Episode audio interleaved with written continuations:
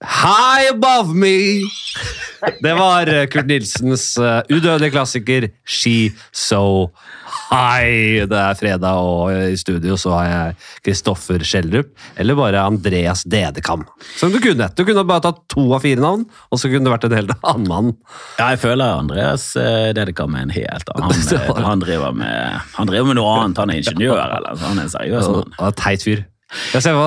Ikke like gøy teitere typen deg. Altså, du er jo, vi er begge teite oppsyn, selvfølgelig, men du, han, Andreas Dedekam er hakket verre. Han er enda verre. Han, ser for meg, han, han er liksom mutt og sur òg, vet du. Han Andreas Dedekam. Kristoffer ja, Schjelderup er jo en helt annen Han, er, han har karisma, han. Ja, han er, han er singel, og han bor kanskje Han tar vare på sin mor, det gjør han, men ikke han, Foreldrene er skilt. Det er mye gale med han, da. Men han ja. prøver. Han prøver så godt det verste med Andreas Dedekam er all sutringa. Altså, han er så oppgitt over livet. Han mener alle, alle andres skyld. Ja da, han er en type sånn skaprasist som, eh, som, på sine eldre dager kommer til å regjere i kommentarfelt med, med, som et anonymt troll. Han er, han er liksom, det bor noe ondt i han. Det er noe mørke der. Du har aldri forlatt de to navnene i midten der som uh, ingen bruker og alle hater?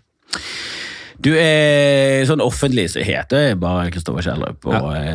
anerkjenner så, så vidt de dumme navnene. Jeg syns det er tåpelig å ha mange navn. Det er alt, aldri likt. Jeg syns det er litt, noe litt sånn pompøst og, og, veldig sånn eh, Det er det der. Ja, det jeg, jeg syns det blir for mye, da. Eh, og det er, alt, det er aldri likt det. Og det er så rart det at min bror bare heter Søren.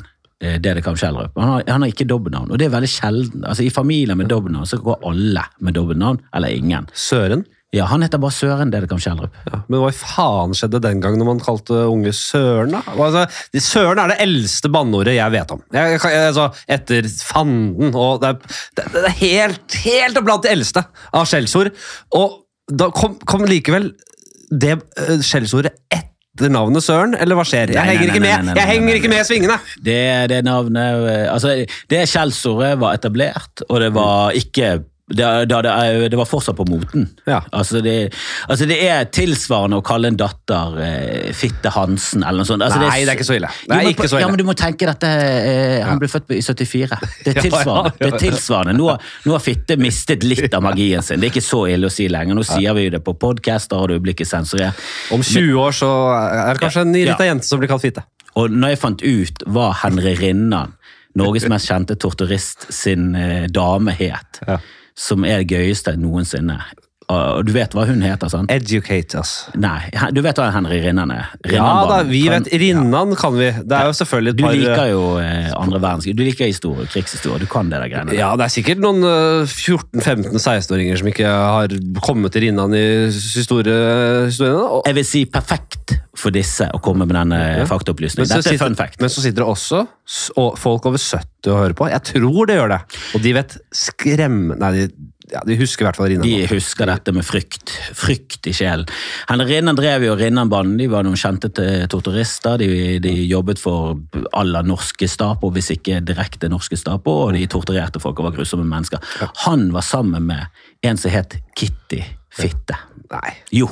Kitty Fitte. Og det er ikke, det er ikke bare sånn tullekallen. Det, det er sånn, det, dette er Wikipedia. Kan jeg google? Ja. ja. Du, du, oppfordrer meg nærmest ja, ja. til å gjøre det. Kitty å... Fitte. Og ikke, ikke, bare det. Hun het også Grande. Mange ville jo på en måte hatt litt sånn unnvikende blikk når de så jeg skulle google, fordi de vet selv at det er én bokstav forskjell. Men det er nest... Nei, for her er det. Skal vi se. Det det. Og det er ikke ph, det er ikke fh, det er ikke fitte med th. Det er fitte. Google har rett og slett bare Kitty Grande, men vi får se om ja, ja, ja. alt er det Det er Kitty Grande-fitte. Vi, eh, vi, vi, lever i et sensur... Vi lever i et sensur Vi lever i sensur. Kitty Margrethe Granne står der. Ja, men bare, bare, bare google litt mer. Og Finn litt mer ut av det. Men var, var Ivar Grande Nei, hun var, det, Grande kommer fra en annen mann. Hun var ja, gift med en ja. sånn, og så røk det der greiene der, og så endte det opp med, med, om det er pikenavn eller hva det er. Jeg husker jeg, jeg leste dette for første gang i, i han godeste Erlend Lo sin Naiv superbok. For der eh, finner han ut av det. Kitty Fitte. Kitty-fitte. Mannepredatoren Kitty Lorange Grande Fitte. ja, det altså det er det beste navnet. Gift tre ganger, senest som fitte! Hun endte opp som en fitte. Hun var en dundrende fitte av et menneske. Det sånn, eh, altså, jeg liker ikke å bruke det ordet som et skjellsord, for jeg liker ikke å bruke det kvinnelige kjønnsorgan som et skjellsord, så jeg pleier å bruke skrotum eller et eller annet sånt istedenfor. Men, Ja. men det, det er jo et velkjent skjellsord på en kjip, kjip dame. Da er hun en skikkelig fitte. Det har aldri føltes bedre å si fitte enn det gjør nå, i denne konteksten her. Nå, nå, nå, nå, legitimerer vi 100 å sitte og si fitte. Vi fitte, fitte, fitte hele tiden. Nå er det jo det eneste på en måte Å ja, dette her er jo sånn herre uh, ny uh, Men dette mener jeg helt seriøst. Ja, hun er helt- hun er helt. Frie nasjonalister, står det her. Er du kommet inn der, ja? De er de eneste som omtaler Ja. henne. med altså, si mye om den gjengen, men de har i hvert fall De driver ikke med sensur! Ikke den veien, i hvert fall. Ytringsfriheten står sterkt i nazibevegelsen. I, I hvert fall når det gjelder å si grusomme ting til mennesker som kan såre dem. Den, Det e de. den eneste kilden på første side av Google da, eh, er jo frie nasjonalister, og de skriver da Mannepredatoren Kitty Lorange, grande fitte. Gift tre ganger, senest som fitte. Hva er det sentrale? Det er jo sånn Dette er den eneste måten du kan eh, si fitte på P1. Altså du kan sitte Ja. her, så Dette kunne vært sendt. Hvis vi, hvis vi sensurerer vekk den første delen med Søren og hvis du får en datter som blir kaller hun fitte, hvis du tar vekk det, så er dette her helt innenfor. Innenfor ja. reglementet til NRK, til og med. Men jeg syns jo det er både, både trist og leit og, og, og er alt på en gang at det ikke At det ikke er noen som omtaler henne som fitte. Og heller ikke Lorange, da, skal sies. Nei, men vet du hva, det der er, det er Altså, jeg er ikke noe særlig på høyresiden, og jeg er ikke noe særlig konspiratorisk, men jeg har fått flere som er sånn du begynner, Ikke bruk Google, bruk DuckDuckGo eller noe sånt. For det, de sensurerer ikke, og Google er Der er det for mye sensur, og det er, de er for venstrelente. De men det er jo ikke noen som sitter og Det er jo algoritmer som bare fjerner de orda. Ja, sånn konsekvent, så det finnes ikke.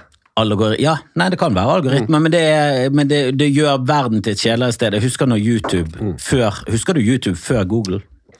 Uh, YouTube før Jeg Altså, YouTube kom jo Ja, Jeg, jeg, lurer på om det kom i 2005 eller sånn. jeg ble 2006. da Google kom. Jeg, Ja. nesten, jeg, jeg, jeg våknet opp jeg, jeg husker ikke noe før Google kom. Jeg, Nei, Nei, men jeg, Google jeg kom- våknet opp til, til virkeligheten, jeg, da. Google kom, og så var det ville Texas. Det var ingenting. Det var ingen sensur. Altså, Selvmordsvideoer, eh, terror, alt lå på YouTube. Det var, ingen, det var helt galskap. Det var Ville Vesten. Det var i, i, i de tidlige dager på internett der alt var lov, og pirater herjet, og alt skulle deles. og ingen, Det skulle ikke være noe sensur.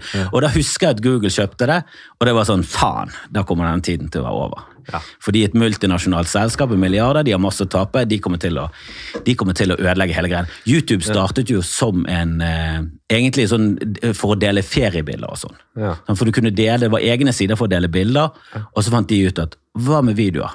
Ja. Sånn, ja, men Det er ganske dårlig kvalitet. Sånn. Ja, men det er gøy. Folk liker det. Vi, folk må ha et sted å dele ferie med. Det var liksom businessplan. For å ha et sted som folk kan dele bilder, familiebilder og sånn. Og den første filmen på, på YouTube er jo A Day in the Park, eller A Day in the Zoo, eller A Day at the Zoo. Så er det en av de som har startet Google, som filmer at han er med en elefant. eller sånn. Det er liksom den første videoen. Og hva så har det gikk det så kort tid før det bare ble fullstendig galskap. Og det var så deilig, men nå er det litt, litt googlet. Det man ikke så helt komme, i hvert fall ikke de fleste av oss så jo ikke komme det med at eh, nå vet man virkelig ikke hva som er sant og ikke lenger. Ja. Og i hvert fall sånn moroklipp på YouTube. Å ja, her ser du folk driter seg ut, ja, men mest sannsynlig så er det Og Det er sketsj. Action! Nei, du trynte Vi må tryne igjen. Det, det her går ikke. Ni av ti er det sketsj, og det er det er så irriterende. Og, det, og det, det det samme. Nå har jo Twitter blitt litt mer sånn uh, Ville Vesten etter Elon Musk tok over, og, og han roet seg litt ned på sensuren. Så nå er det veldig mye mer konspi på, på Twitter. Det er mange som legger ut saker, og i nesten alle sakene så er det neste kommentar er dette er en sketsj. Dette er en sak. Det handler ingenting om virus, det handler ingenting om vaksine. Det er alltid det er dønn under. Så er det alltid sånn, dette er en fyr som fikk et psykotisk sambrudd. Han er narkoman. Har ingenting med antivaksiner. Det er bare alltid sånn.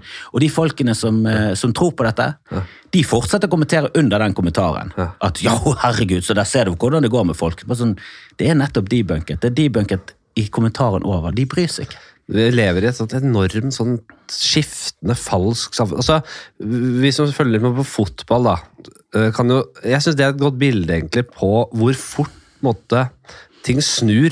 At et lag og en spiller kan være altså sånn, totalt hakkekylling. Og så går det blir, Sånn som United, da, så blir laget plutselig veldig godt. og så, spiller, eh, så er det en spiller som har litt medvind, og så bare hvor, og, og som den spilleren blir hyllet. Og som alt er glemt. og Det går så jævla kjapt, da. Så det er helt sin... Og sånn er det jo ellers òg. Det, det er jo helt sinnssykt hvordan øh, pressene følger på en måte øh, følelsene til folk. da. Ja, ja, og så- Heltehistoriene og, og taperhistoriene. Det er blitt veldig sånn, altså Folk snakker hele tiden om polarisering, og sånn, og det er jo riktig også, men det er veldig sånn, alt blir forsterket. da, Og det er kun det som ropes høyt. Det, det kommer gjennom lydmuren. det kommer gjennom, sånn at du, du får med deg alle de der, det, må, det er jo ingen nyanser igjen. Nyanser er for, altså Jeg husker at Dag Søre sa vet du, nyanser er den nye punken. Ja. Det er, det faen meg ekte. Ja, at du skal liksom være litt sånn rebelsk, og sånn, så skal du sette det inn i ting. For det at alle andre mainstream er bare å lese over- overskrift og en ingress, og så er du ferdig. Du leser jo ingen sak, det ingen, og det er ingen som leser en sak som er over fire linjer. Da blir du helt sånn, Det gidder jeg ikke. Det er jo kjempelangt. Du må- Skal jeg investere to minutter for å sette meg inn? Jeg så overskriften, det holder. Nå skal jeg ut i samfunnet og debattere. Jeg ser det er noen, det er jeg ser du og jeg er av og til innom, jeg ser noen komikere og folk jeg kjenner som av og til ikke klarer å holde Jeg, jeg, jeg holder på å gjøre det selv hele tiden, men sånn, når noen bare slenger ut bare ut, Du ser de ikke har lest saken, du ser at de, de har ikke lest noen ting, men de har 100 lest. De er så skråstikkere. Så jeg har også tenkt mange ganger skal man gå inn og ta kampen? Jeg orker ikke lenger. Det er ikke noe vits, men bare sånn her. Jeg vet, det, det er et karakterbrist hos meg. At jeg, innimellom så er det bare Så bare klarer jeg ikke å holde meg. Det er bare sånn, Kan ikke du sette det litt inn? Dette stemmer ingen Åh, men det, det, det, det kommer ingen vei. Men samtidig så er det mangler altså det er det jeg savner på internett. Det er det jeg savner i kommentarfeltene. Folk som faktisk har peiling, og så blander de seg inn, og så kommer de med linker til noe som stemmer, og så sier de kan ikke du heller lese dette her, for det kommer. Men da sier de at Tror du vi tror på NASA? Altså, Tror du vi tror på FNs klimapanel? Tror du vi tror på altså bare sånn, det, Du får det ikke mer offisielt og, og seriøst enn dette her. og så bare sånn, Du, du, har jo, du er jo bare en, du er skipel, du. Du er ikke du er en sau, du. Du bare følger etter. Og så bare merker du på de at men du sier jo bare det samme som Trump og Musk. Du har jo ingen originale tanker. Du spyr jo bare opp Breitbart og idiot. Som er sånn Ja da, VG vinkler, og VG finner vrier, og VG unnlater å si at han sa det, og så for å skape en sensasjon. Men Breitbart blir jo tatt i direkte løgn. At det er sånn, Dette bildet var fra 2007, ikke fra 2021. Det, det han sa der, det er ikke han som sa det, det var en annen som sa det, og han sa det i et komiprogram, og det greiene der er fra en sketsj. Altså, alt er løgn. Det er bare sakset sammen av galskap og en e-mail som han har fått. Altså, bare sånn, det, dette er jo beviselig direkte løgn. Dette er 100 løgn, og VG lyger 4 Så det sånn, Men samtidig så er det sånn at alle de anførselstegn snille vi skal holde med, er jo ofte så jævlig de òg, ikke sant? Jeg skulle ønske det var så svart-hvitt som i, i Star Wars, da. Der du har en imperie, onde, onde, onde, og så har du hva heter de gode. De, ja, men Har du sett den nye serien? Har du sett Andor? Nei da, Nei, ikke enda, men- det begynt å komme nyanser inn Ja, i Star Wars. det ja. ja, ja. Fordi i de gamle så var det ikke sånn at Hva heter de snille? Uh, Jediene, Ja, de de- er rebels. Altså, de, er, de er jo terrorister, ja, det er det de er. Ja, men de er veldig alt det er veldig god moral, gode verdier, god moral. Men had, det, er, det er ikke sånn at det, Ja da, men det, han har jo voldtatt en del. Og, han, Jo da, han, so, han Solo han er fet og han er god å kjøre skip, men han har jo en Han, har jo, han ble jo funnet med barneporno inni en droid. Han hadde jo en droid full av barneporno. I sånn hologram. Så ganske er sikre kilder han puler jo han derre bjørnen, vet du. Ja, og han Bjørn, eh, han har lyst til å gå hele tiden. Han, han, men han har sånn støt. Ja. så han går langt nok unna, så Det, det viser de aldri i filmen, men han, han blir pisket. Han Han han Chewbacca. Chewbacca, og, og, den, og den, den, den arten fra den planeten, de har faktisk ikke rumpehull. Men Solo er veldig veldig glad i anal, så han puler den i øret, faktisk. Det er det nærmeste han kommer rumpehull. Og vet du, hva, vet du hva han sparer til? For å operere på han Chewbacca et rumpehull, så kan voldta han der også. Altså, han er helt gruse, men, men ja da, han gjør mye bra for rebellen og, og alt det der greiene der, men han er Og det, det er jævlig morsomt at, at, at de er terrorister, da. Altså I det samfunnet der så er det det er jo det Republic, det er de som styrer. Det er jo, det er jo et ordnet samfunn, og de har kontroll på galaksen og sånn. Og så driver de og fucker opp. De, de er ISIS, de. De er, men det er jo det der med god og dårlig terrorisme altså, Det er en av de, en, av de sånn, en veldig eye-opener for meg, husker jeg, da jeg, jeg leste en Mengle Su. Det var bra du sa Su, at det ikke bare var Mengele. At du skulle komme etter en positivt om Mengele. Kjenner du til boka? Jeg har hørt Gert Nygaard, Den er veldig veldig Ja. kjent, bok. Jeg har hørt Så var. Eivind Trædal, som jeg syns, han sier mye bra av og til, og så syns jeg han sier noe helt latterlige ting av og til. Men det er noe greit. Blant annet, han, han skal være så liksom for mangfold og, og ytringsfrihet og sånn, men av og til så klarer han ikke å holde seg, så han sitter i offentlige debatter og bare Du får ikke snakke her! Du kan ikke Vi kan ikke ha han, Vi må sensurere han! Han kan ikke få snakke. Og det irriterer meg Ja, altså, jeg vil ikke at Eivind Træde skal få for mye makt. Jeg, Jeg er enig med han i masse, og jeg følger han på Twitter. og Hver, hver, hver tredje tweet kan jeg ta en like, men han er, han er for ekstrem. Du vet at du, du må ikke få for mye makt, for du blir høy på dette. Ja, greiene. og han hadde sånn eh, rasende innlegg om den boka der, da, som er sånn en på, den er på sånn topp ti ofte av de beste bøkene skrevet i Norge. Og Den handler jo om en, eh, en ung eh, gutt som vokser opp i regnskogen, og blir hele alle han kjenner, blir drept, og de landsbyene han bor i, blir jevnet med jorda for imperialisme og eh, kapitalvekst. da. Så han får jo oppleve dette på nært hold, og, og, og du ser det fra hans perspektiv. Han blir jo da rett og slett terrorist, eh, og ganske eh, sofistikert terrorist som går etter, eh, går etter toppmål, da, store store skikkelser innenfor altså ordentlig, ordentlig hvithaier. Onde, onde, Ja, sleipe er, hvor, hvor kommer det kritikkverdige, spør jo, meg. så han, går jo, han dreper disse folka, og Ja. sprenger holder på. Og gjør veldig sånn, ikke noe sivile, bare kanskje et par ryker, selvfølgelig. Det er noen Litt. Noen- litt må det. Hvis, hvis du greier å drepe Hvis du greier å, å ta unna ja, La oss si Batti, da. Mm. Så er det ikke sånn Jo da, selvfølgelig skulle samboeren, som var litt uskyldig oppi det, ikke bli tatt. da. Men samtidig, hun ble sammen med Batti, hun burde visst farene, og Batti er et rasshøl av dimensjoner. Jeg hadde ikke grått en tåre hvis han hadde forsvunnet. For han bare er plagsom. Han er en torn. I, og jeg snakker om, ikke om han terroristen, jeg snakker om han som bodde med Michael Jackson. det, ja. han, kan, han er ikke så god å danse. Den skal ikke komme fra, fra sida her. det er bra jeg får smake min egen medisin her. fordi, hvor, hvor var jeg? Jo, så jeg leste den her som Ja. 19-åring, da. 18-åring. Eh, Og det hadde jeg ikke lest. Jeg var i kjøtthus, selvfølgelig. Og hadde jo på en måte vokst opp med at all terrorisme er de onde.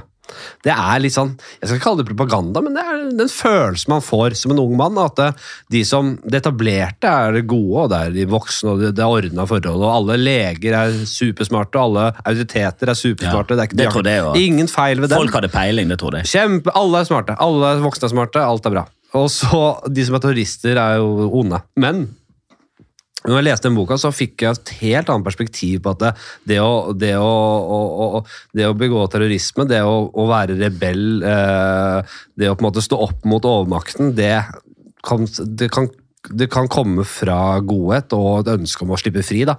Og Det var faktisk jævlig viktig bok å lese for meg den gangen. Jeg husker jeg satt, gjorde veldig inntrykk.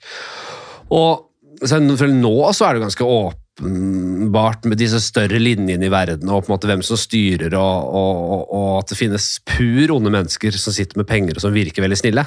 Ja, ja, ja. Eh, Og, og Bill Cosby kan være verdens største voldtektsmonster, selv om han blir portrettert som eh, hele Amerikas pappa. Og da Bill Cosby røyk, så, så var det spikeren det siste for min del. Da kan alt, alt være mulig, og ingen er trygge. Ikke Alf Prøysen, Trond-Viggo, eh, de aller snilleste. Ingen, jeg, jeg blir ikke overrasket over noe lenger. Ok, jeg, jeg vet ikke hva man kan si på denne podcasten som er lov å si, eller om noen må gå gjennom noe sensur, eller noe sånt, men uh, Erik Bye var visst en kødd.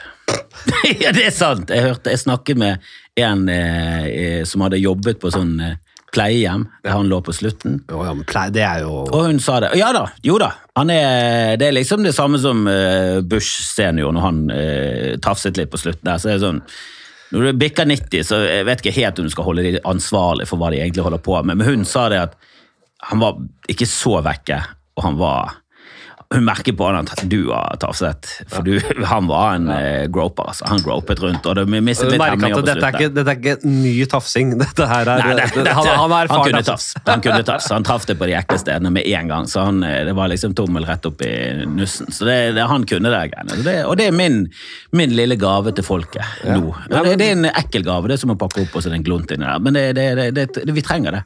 Vi må, må ikke holde disse gamle heltene så høyt. Jeg er så lei av folk som hyller Stavanger, Oppsal og Leif Juster som de eneste flinke innen humor, og så er det folk som ikke liker ny norsk humor. Så, så er det av noe som er litt sånn på siden av det, det sånn, og det kommer så tydelig frem at du ser jo ikke på norsk humor i det hele tatt. Du går jo aldri på show, du er ikke på nye scener. Du får ikke med deg noen ting. Du, har, du sitter oppe i Finnmark og dømmer folk nede i Oslo fordi de driver med søringhumor, og, og ingen kan slå Oluf og sånn. Det er bare sånn, Nei, men Oluf var bra i sin tid. Hadde du tatt en Oluf opp på scenen nå?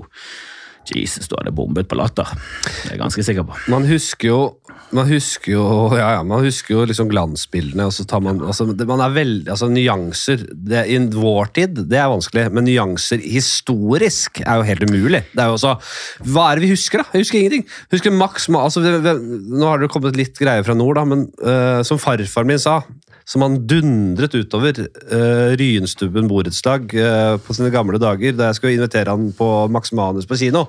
Som han skrek. Han skrek 'Max Manus vant ikke krigen aleine!' Han var nordlending. Ja, fordi han hadde sett flere sider av saken, og det var på den tiden Jeg så faktisk Max Manus på nytt, og man maler altså et veldig snev Som også var en terrorist. Altså, Jo, Sjakan, hele den, altså, og det var terrorister for den gode sak. Ja, det var det. Og, Men det gikk utover sivile. De, bombet, de, de bombet jo det skipsverftet, skipet, masse sivile. Til og med nordmenn. Men det har vært- som flua. det har vært ofret så mange sivile for den gode sak opp igjennom. Også, jeg, så, jeg leste meg litt opp på liksom Dun, Dunkirk og den der ja. uh, observasjonen for altså, hele den britiske armé. Alle var på, i Frankrike da Tyskland raste gjennom der og, og, og, og, maltrakterte hele dritten og var helt sinnssyke. Der- Der skal Hitler ha og egen ha. Altså der, der var de gode. Der, de dundra gjennom der og uh, var veldig veldig nær å utslette hele den britiske armé. Og da var eh, England var altså så på randen av kapitulasjon og på en måte eh, eh, diplomati da, med titler, og bare hva vi dra, vi gir oss. Vi, vi tør ikke mer. Vi vil ikke mer. Men så klarte da eh, altså det var, det var jo godeste Churchill som Ja, ga Churchill. på en måte grønt lys til at det, en, en liten gjeng på 5000 i Calais uh, en liten sånn, lite, eh, De holdt fort der, og så trakk de oppmerksomheten til Calais, og de ble ofra 5000 soldater for at 300 000 kanskje skulle bli redda. Så kom det da en liten flå, en veldig, veldig stor flåte med sivile båter og hentet ut nesten alle 300 000 soldatene, hele den britiske armé, og det var hele nøkkelen til at krigen snudde. Eller, det hadde aldri skjedd hvis ikke det skjedde. Og samtidig, Churchill, forferdelig menneske. Kjemperasistisk, grusom fyr. Og jeg er helt enig. Altså, når det der statugre- statuegreiene begynte, så var jeg sånn du, Nå må vi roe ned. Dette er historisk. Han var med. Og, men det greiene der åpnet øynene mine på på Churchill, for Jeg har alltid hørt om Churchill som en han er en sånn ikonisk helt i min familie. altså Mine besteforeldre. Ja, ja. Sant? Det- Min, min farfar han, eh, Det var en sånn Telavåg-ulykke. Jeg vet ikke om du har hørt om Telavåg-ulykke, men det var noe av det verste under norskekrigen. krigen. De, de drepte en eh, tysk offiser ganske høyt oppe. Ja. Og så tok de bare en hel eh, landsby ute på Sotra, et tettsted. Og så, Heter Roma? Nei. Nei, de, de, de tok alle folkene ut av husene, og så eh, tok de dynamitt og bare sprengte hele, hele tettstedet. Bare fjernet de. De jevnet det med jorden. Ja. Og så tok de alle kvinner barn uh, inn i leir. De skjøt veldig mange av de unge, og resten av mennene bare hev de rett i konsentrasjonsleir. Og så var min farfar han var lege på den tiden under krigen. og for å liksom redde livene, sånn at de ikke skulle bli sendt i, i leir, så, så faket han at det hadde tyfus. At det hadde vært et tyfusutbrudd. For de var stasjonert på en eller annen skole. eller noe sånt. Så, så han bare sånn Du, vi har prøvene positive på tyfus. Og, og, og tyskerne var livredd for smittsomme sykdommer inn i konsentrasjonsleirer, for da døde jo alle. Som er litt Uff sånn, uff. Uff, det, det høres jo rart ut, men det, Ja, jo er jo som oftest arbeidsleirer. Ja, det er jo ja, ja. det som er liksom de der holocaust-fornekterne. Sånn, du, Hvorfor skal de drepe folk? Det var for god kommentar til å ikke smette inn der. Du skjønner jo det. Så han og min farmor drev på med noe sånn snuskeri for å bare lure tyskerne, og så ble de livredd, og så greide han å redde masse liv. da. Ja. Og så oppdaget de det etter hvert, så han måtte flykte. Så han flyktet til England. Og var liksom altså Han bare, han hyller Hele min familie er så anglofile. De elsker England, de elsker USA. og sånn. Og de er helt unyanserte. Det er svart-hvitt. De er gode. De, og Tyskerne var onde, alle andre onde, men engelskmennene og Churchill oh, oh, oh. Men så setter du inn i Churchill, og så er det bare sånn ja, men i helvete da, mann! Så er du forårsaket du en sultkatastrofe som drepte tre millioner uskyldige For det er jo Hitler-ondskap. Og du kan ikke ha statuer og hylle dem uten å informere om at jo, han drepte også utallige indere, for han er et grusomt menneske. Jeg synes det, Han- jeg han synes kompromisset må være ja da, den statuen kan være der, men den må være åpen for å, å hive maling på døgnet rundt. Ja. Og så må det være en plakett som også forklarer at han var en kuk. Han gjorde jo, Jeg er ikke så fan av å fjerne statuer fordi de altså I samtiden så var det på en måte helt andre regler som gjaldt, og man har kommet mye lenger. Altså, altså, sånne type ting så er jeg uenig i at man skal på en måte Ja, men bruke. Men det han, gjorde, det han gjorde, var at han var jo så langt oppe i sitt eget rasshøl og så på seg som en gud allerede liksom under første verdenskrig. Han, han gikk jo ikke i skyttergravene, han gikk over skyttergravene. For han trodde han aldri kunne bli truffet av kuler allerede den gangen. Han kommer jo fra overklassen. Han er vokst opp med en gulldo. Ja, ja. Altså en gulldo. Do av gull. Ja. Den var gullforgylt med ekte gull. Ja, nettopp. Det er et hjemmet hans. Men hva skal jeg si, han hadde vel et par eh, Og det var vel også derfor eh, eh, de var veldig skeptiske til han, fordi han hadde noen sånne enorme fiaskoer som, som hærfører, sier jeg, altså offiser, da. Var general, vet du hva heter det? Ja, ja. Ja. Ja, han var- Der han på en måte eh, hadde en følelse på det, og så ble det sykt mange slakta. Det er det du sikter til, kanskje? Jeg vet ikke så mye om det. Nei, nei, det, det var når han Jeg husker ikke når det skjedde, men han gjorde sånn at det ble en kult, eh, sultkatastrofe. Jeg lurer på om det var i Enten var det i India, eller så var det en annen av de kolonistatene som, Ja. uh, som engelskmennene styrte. Det var noe greier der, uro, og istedenfor å liksom være snill og gjøre det rette, så, så gjorde han sånn at tre millioner mennesker døde av en sultkatastrofe, han var direkte ansvarlig for at dette skjedde. Altså, Han var jo han var et rasshøl som engelskmennene trengte da, for han var sinnssyk. Han var en xenofob, han hatet alle andre, han hatet Stalin og han hatet Tyskland. Han ville ikke ha engelskmennene var her oppe, alle andre var undermennesker. Altså Han var den typen. Dette er undermennesker, til og med tyskerne. Undermennesker. Så han var jo en type Hitler, da, men han hadde ikke, han hadde ikke de der eh, La oss invadere Frankrike-vibbene. Han var mer som vi har nok, vi. I, vi og det, Og så var, han, og så var han en del av et mer solid demokrati. eh, og, Og de hadde hele, altså de hadde hele jorden. Ja, og de hadde, altså han kunne, hadde, hadde Storbritannia ligget med brukket rygg, og Churchill hadde på en måte hatt samme opptakten som Hitler, så hadde han hatt personligheten til å bli Hitler. Han var, han var Anniken Skywalker uten Ja. Darth Vader. Nei, ja, det, Nei, men- det kan men han- brukes. Det kan brukes. Men Men kan han var, ikke en sånn, han var ikke en gjennomført fin person, og det er jo veldig få som Det er nyanser. Det er igjen tilbake til Det er alltid nyanser. Gandhi likte å ligge med, med, med små barn i sengen for å friste seg selv. Altså bare sånne, sånne ting som når du leser det, bare sånn, ja, det er ikke normal oppførsel, Gandhi, men samtidig så, er du, så gjorde du en kjempebra ting. Sant? Det samme Churchill. Kjempebra ting. Jeg syns statuen kan stå der, men jeg syns det også kan informeres om at han gjorde en del Her er en QR-kode, du kan lese litt mer opp på dette. greiene. For det, det, jeg syns det er viktig, jeg synes det er trist med USA nå, som er nesten sånn ta ut slaveriet fra pensum, og de snakker om sånn Du skal vi lære om ja. barna våre om slaveriet? Så bare sånn, Ja, og i Norge burde vi, burde vi blitt lært fra barnsben av at vi har, vi har oppført oss så jævlig mot samene at ikke Altså, vi, vi må si unnskyld i generasjoner. Ja.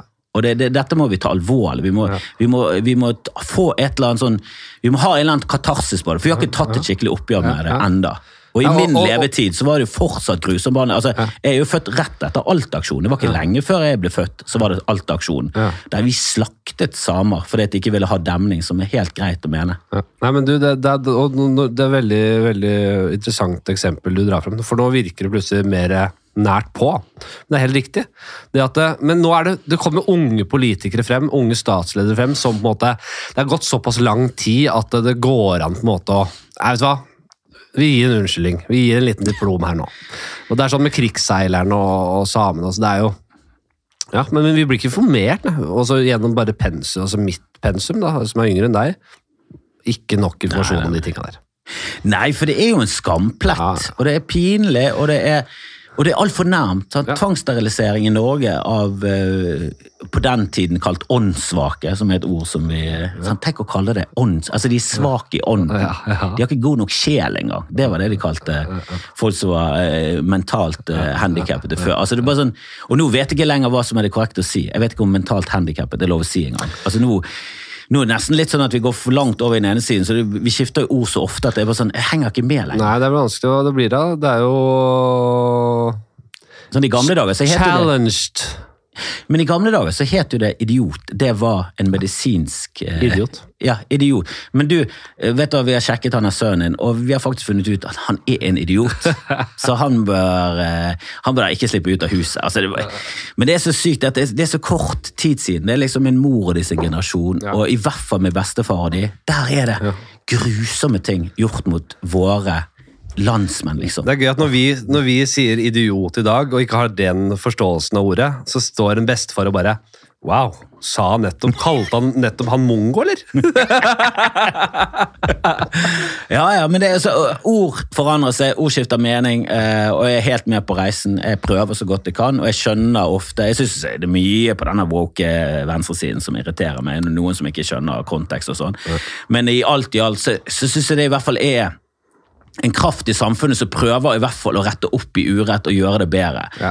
Jeg føler at den andre siden, som ikke er enig med, som er langt over på høyresiden og konservative For meg er det bare sånn, er du konservativ, så du vil at sånn som vi har det nå og eh, Det er bra, og helst litt tilbake. Tilbake! For det er bare sånn, det gagner kun deg, det. Ja. Hvite mann 50 pluss. Ja da, hvite menn 50 pluss hadde det bedre i gamle dager. Jeg hadde hatt det lettere på 1920-tallet enn jeg har det nå. Nå må jeg ta mye mer hensyn og sånn. Men jeg vil ikke tilbake inn til en tid der det var greit å druse til konen din fordi hun lagde dårlig kjøttpudding. Jeg synes ikke det, er en, det er ikke noe sånn jeg lengter etter. Å, husker du når vi kunne slå damer uten at det var, at det var noe å rynke på nesen på? Sånn, Men, men føles det også Det føles jo også litt sånn intellektuelt eh, stimulerende å jobbe med disse nyansene Ja, ja. balansen, som er ganske interessant. Det er, mye, det er mye med jobb, selvfølgelig. Det er mye med jobb, men det å kunne faktisk lese noe, da. Ikke bare sette gjør, altså, altså, Jeg husker den tida da jeg var ung og kunne på en måte gjøre meg opp et standpunkt uten å ha lest et ord om det. Bare, jeg, kan bare, jeg kan bare kjenne til konseptet, og så bare sånn, Det mener jeg om det. Det var så lett, da. Så husker jeg at eh, den der forvandlingen Jeg bare skjønte at det er ikke sånn det fungerer. Det er så mye mellom her som man er nødt til å finne ut. Så husker jeg at jeg, jeg husker nesten øyeblikket jeg satt og bare skjønte og bare Dette blir slitsomt. Dette blir mye jobb. Helvete! Ja, men jeg syns det er så kjedelig med de folkene som er på ytterkantene og er så lite nysgjerrig av å finne ut av ting og fikse problemer. Jeg er så, jeg er så lei av den der eh, Sånn som når uh, vår komikerkollega Halvor Jo- Johansson kom i trøbbel fordi at han står på scenen og snakker om at han er konfliktsky og feigt menneske, og møtte svigerfar for første gang, og han viste seg å være rasist. Ja. Og han brukte n-ordet, og han, var, han sa ting, så, og han bare satt der og bare sånn Fuck, det er ny familie, hva skal jeg si? Jeg kan, jeg kan ikke si noe. Og så er det folk som blogger om at altså Enten er du antirasist, eller så er du blodnazist. Du kan ikke, du kan ikke være en feig i midten her. så sånn, Det er der de fleste av oss er. Det er kjempeskummelt. Jeg skjønner det godt utover konteksten. Hadde ikke tørt å si en drit til en svigerfar. Ja da, hadde jeg blitt godt kjent med han og blitt litt sånn varm, så jeg kunne jeg, jeg kunne si det til min svigerfar, for han er jo han er ganske gammel og kan plumpe ut. Han er type sånn som, Du merker på han at du er litt sånn islamofob, du. Du er litt redd for det der greiene der. Jeg kjenner veldig mange muslimer. Det går greit. Det, de fleste av de helt chill. Ja, da er jeg ikke, jeg er ikke noen fan av ISIS, men det er det ingen som er. Og det er i hvert fall ingen muslimer som er det. Så ro litt ned det der islamofobiske greiene. Det er ingen snikislamisering. Jeg har vært på Grønland, det har ikke du. Kan ikke du holde kjeft? Men Jeg sier ikke det til han, men jeg prøver å si at nei, jeg er ikke enig med deg der. De jeg føler eh, de, de gamle som på en måte har klart minst fremmedfrykt og hat og islamofo islamofobi i seg, er jo nordlendinger spesielt, som flyttet til Oslo og Ja. kjente på det hatet som kom bare før innvandring utenlands kom. Så var det jo rasisme innad i landet. Ja, ja, leilighetsannonser. Ja. Leie ut et leilighet på Tøyen. Ingen nordlendinger. Ikke, ikke, ikke ta kontakt engang. Ja. Tenk hvor mange som faket da. Fordi folk her nede Ja, jeg er nå, jeg er nå her, jeg har bodd i Oslo hele mitt liv. Jeg er, jeg er, er fra Oslo. Nei, faen, og så bare røpet de seg under leilighetsintervjuet. Rett på lynsja rett Ja, kom en islending og bare, bare kom det til helvete. Jeg ser at du er fisker. Nei, så det men uh, vi må så faen, du, skal, du er i Oslo nå, eh, Kristoffer, for du har soloshow. Det Blitt ordentlig strømlinjeforma, svær komiker nå. Har bare parkert turnébussen på utsida av Latter med svært bilde av uh, trynet ditt med dollarglis uh, på siden av bussen. jeg her. syns dette her representerer hvor jeg er hen i, i karrieren og forhold til de som er skikkelig suksess. At vi ble så jævlig glad, for vi, solgte, vi har klart å passere 10 000. Ja. Så var det bare sånn Helvete, 10 000! Det er ganske da, det, begynner å, det begynner å ligne på noe. Solgte billetter. Ja, 10 000 solgte billetter og, og laget en greie. Jeg kom ned i garderoben, så var det hengt opp ballonger. Vi tok bilder for Instagram og flottet oss med 10 000. Og så gikk det fire dager, så det la Kevin Vågenes ut 85 000, nei, 86 599, og det var sånn Faen. Det er, det er lenge igjen, da. Nei, nei, jeg er kjempefornøyd. Jeg, Du har jo enormt mye mer nisjete stil enn Kevin Vågens. jo da, jeg treffer kan- ikke så bra brett som jazzhands og parykker. Det gjør ikke, Nei, ikke det er. Og Kevin, jeg har sett showet til Kevin. er- Han er jo Ja, herregud, han er jo en helt annen. Han er jo en, jeg tenker jo det at du har, eh, du har styringspartiene i humor, og så har du på en måte de som eh, Du er rødt. Ja, jeg er Du- du er rødt og er mot at vi gir våpen til Ukraina, og jeg vil ha fred. Det er det jeg vil. ha. Er gjerne til er, du, er, du er rødt som har 10% på meningsmålingene, Ja. så, så gjør det bra! Jeg er rødt i, i, i de rette atmosfære, altså i rette scenarioer så er jeg rødt der det faktisk de har noe på papir. Jeg er ikke rødt nå, jeg var rødt eh, under pandemien. Det er der jeg var. Ja. Eh, og nå er jeg i Oslo og jeg har på Latter, og jeg har lyst til å komme tilbake, for vi har solgt ut, så jeg har lyst til å komme tilbake igjen og kjøre en liten runde på Njø scene. og Jeg har lyst til Ikke å sant? Så kjøre det, og showet heter Var det dumt, det? Var det dumt, det? Var det dumt, det? Det er, eh, det er det tredje du har nå, eller? Som er sånn Nei, det er det andre som er skikkelig Jeg hadde et som Tro, hat og ærlighet, og det er det første standup-showet i Norge som ble vist på kino. Ja. Ja. Ja. Eh, og det gikk jo greit, og vi hadde det for det meste i Bergen. Det var vel også på Latter og gjorde der òg, men det, det var, det var mye, merkbart mye mindre. da. Jeg lurer på om vi solgte sånn 4000-5000 billetter. på det. Så jeg merker eh, fremgangen. Eh, greit nok, jeg er jo 45, så det er ikke noe sånn at det, Nei, men du er jo det skulle bare mangle. Men eh, jeg, jeg syns det er veldig Jeg synes det er veldig, jeg er på et veldig fint punkt i karrieren. For det er veldig få som vet hvem jeg er. Mens de som vet hvem jeg er, de liker meg. Du har jo jobba du, jo du er jo en av de mest eh, rutinerte vi har. Hvis man, altså, hvis man tar vekk liksom, de som ikke har vært så aktive som deg, da.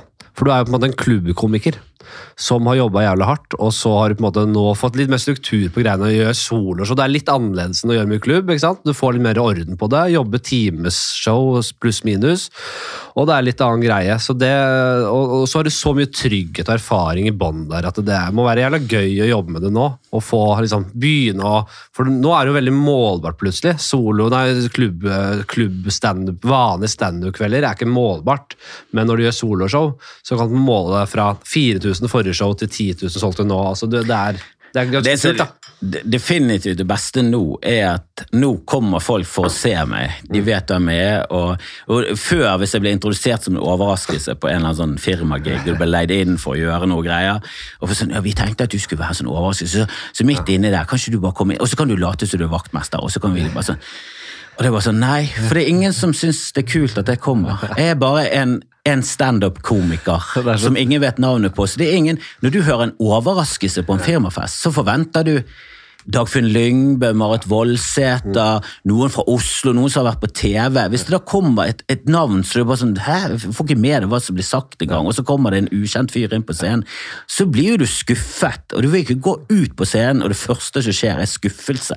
Da vil du komme og bli introdusert som en komiker, han, har, han står mye rundt omkring i Norge, han er, altså at de fluffer det litt opp, da, men de legger ikke noe vekt på at det er veldig stort at du er der. Men nå merker jeg at å, folk syns det er kult at det er der. Det merker til sialen at å, det er noen som vet faktisk hvem jeg er. Og det er et helt annet eh, ballgame. Og det er jo du òg. Ja, nei, men jeg kjenner meg så jævlig igjen, Du har jo den samme følelsen etter. Det er liksom før og etter ikke lov å le på hytta. Jeg er litt sånn før og etter pandemien, for det pandemien gjorde at jeg begynte med bodshow og sånn, og det ble, det ble en sånn greie i Bergen. Så det er var mange du satt rett og slett i boden din. For du var der og satte opp en lydutstyr og, og kjørte på med parykker uti Ja, der. jeg angret på den Og du sa, og du sa det i stad før vi gikk på lufta her, at jeg ble lei av de parykkene etter hvert. Ja, for du eh, Jeg husker jeg satt og så deg der sitte gjerne på rykkene.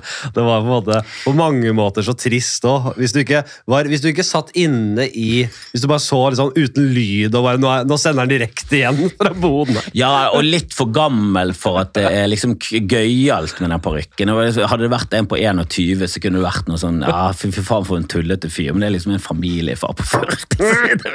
Parykk i bo, det så stusslig. det er så stusslig. Og jeg husker Ole So, han som var regi på showet mitt, og han er jo en god venn fra Bergen. Uff, han slaktet meg, altså. Han slaktet meg inntil beinet. Og jeg sa sånn ja, men det er, ingen, det er bare tull. Han bare sånn, for han skjønner ikke den greia der det er det samme som at du synger Kurt Nilsen og du er lei av det og alt det. Men det er liksom sånn ja, jeg mener ikke noe særlig med det. Det var noe som begynte med, og så holder det på det, så er det en del av merkevaren. Og det, nei, jeg står ikke inne for det. Jeg står ikke inne for parykk. Jeg går jo ikke på scenen i karakterer. Jeg er ikke den type komiker. Men jeg synes bare det var et eller annet tullete og teit med det. Og så var det pandemi, og det var kaldt, og så var det sånn Skal jeg stå med lue? Jeg tok på meg parykk. Du de som levde og, og, og, og åndet under den der pandemien, de, de skjønner det. De skjønner hvordan det ble til. Og de som Ja, var med fra starten her De som var med fra starten. Ettertiden vil slakte det. Hvis du bare plutselig Eller, eller fortiden vil slakte det. Fortiden og nåtiden og fremtiden vil slakte det, men akkurat de som var der i den nisjen, de, de, de syntes det var helt greit. Nei, det var, det var ingen dypere mening med noe av det, men jeg begynte med sånn bordjobb. Men det ble liksom en greie, og så ble jeg nominert til noe greier i BT. Og så, så, så merket jeg at eh, Også gjennom Facebook og spre noen videoer og noe greier, så har det blitt eh, blitt det liksom litt kjent i Bergen. da. Jeg merker det at ellers i Norge så ingen, ingen, kjeft som vet hvem jeg er, men, eh, i, i Bergen så er liksom der er blitt en sånn eh, noe, da. Ja. Eller annen, jeg vet ikke om det er oppe på C eller B, kanskje, men rundt der. da. Ikke det sånn oppe der med Dagfinn og Kevin Vågenes og de der svære stjernene som er sånn som nesten er sånn Åh, er dere tilbake inn i byen, og her er rød løper? Og fantastisk, at du, fantastisk å se det. Nei, men det er gøy. Der, da. Det er men det er, jækla, det er jækla fint å stå foran folk som skjønner humoren din, er med på greiene. Og så har jeg litt sånn humor som ikke er så jævla sånn Det går ikke kjapt til poeng. og sånn, Det er ofte litt sånn rare ting, og så kommer jeg til poeng. Og jeg mener jo selv at jeg har ganske punch, men du må følge med. Du må være Ja, interessert. Sånn. Det er litt sånn som deg. og det er ikke sånn Nei, er ikke veldig sånn overfladisk og klisjéaktig og sånne ting som alle andre snakker om. Det er noen rare vrier der, det er noen nye ting, og så er det veldig personligheten din kjenner, kjenner igjennom. Ja. Så når du snakker om han har tannlege med flass, er ikke det sånn her Ja, tannlege med flass, det har jo alle snakket om. Det vet jo alle hva det er. Bare sånn, det er veldig unikt, det din opplevelse. Og det er kjempegøy. Og denne greien din om skjegg også. Åh, herregud.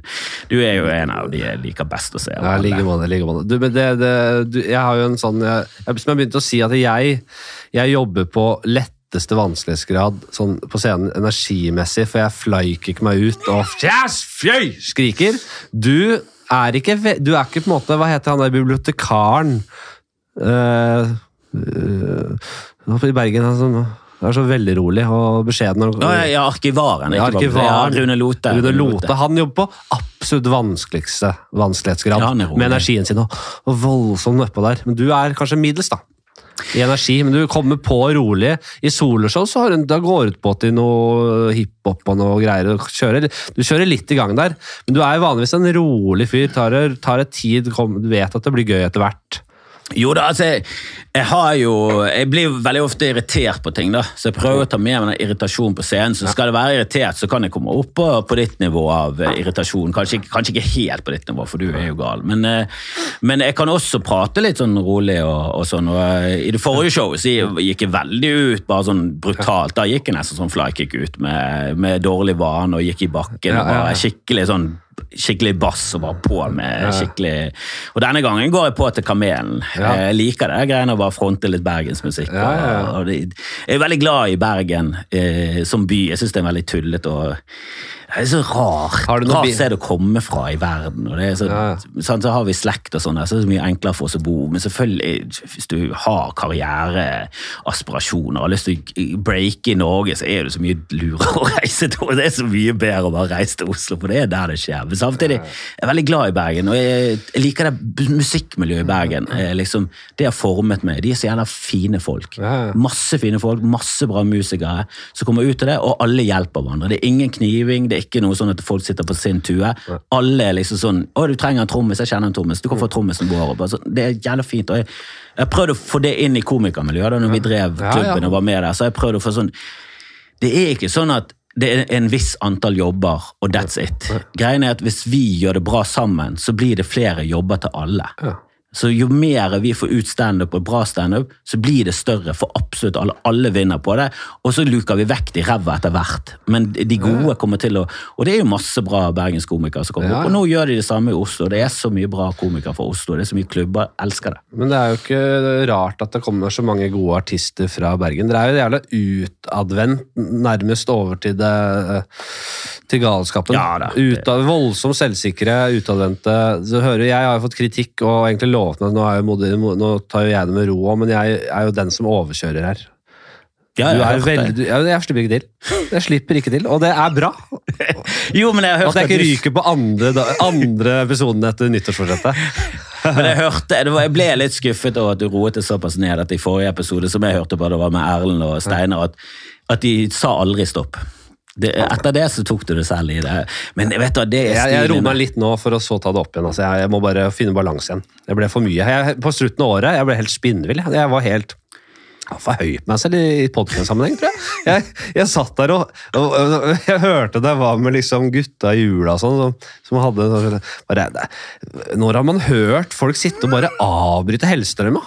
Ikke la Hellstrøm snakke?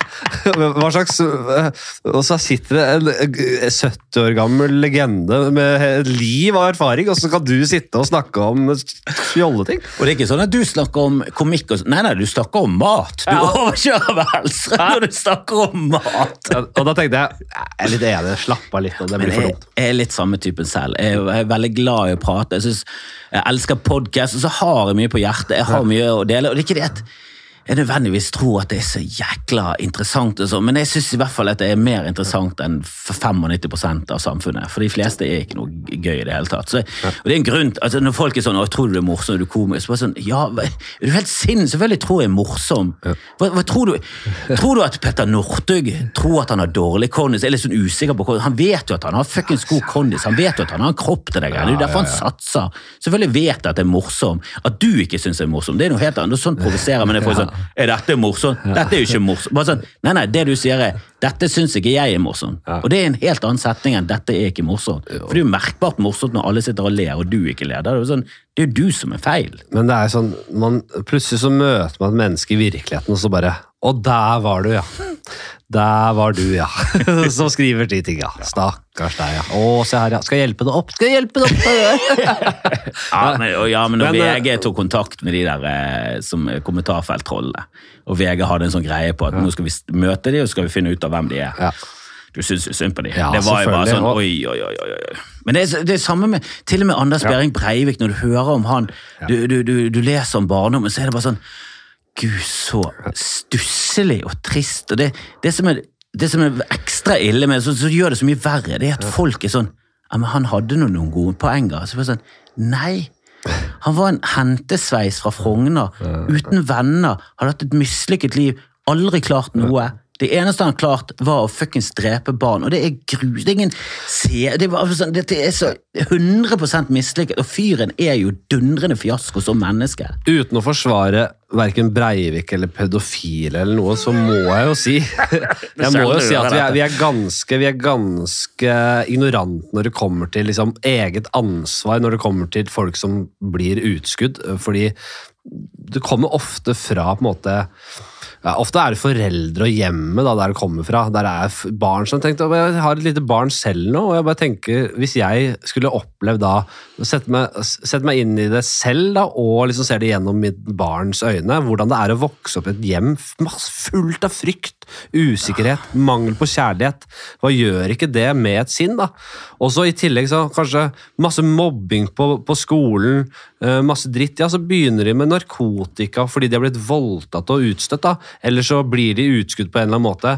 Og så er det litt opp til på en måte ikke hver enkelt i samfunn, men på en måte bare samfunnet som en struktur, og bare innse at det, man har litt skyld i det selv. Man kan ikke på en måte bare skyve vekk og bare Det er ditt valg, du er et dårlig menneske. Det er noe som ligger bak der.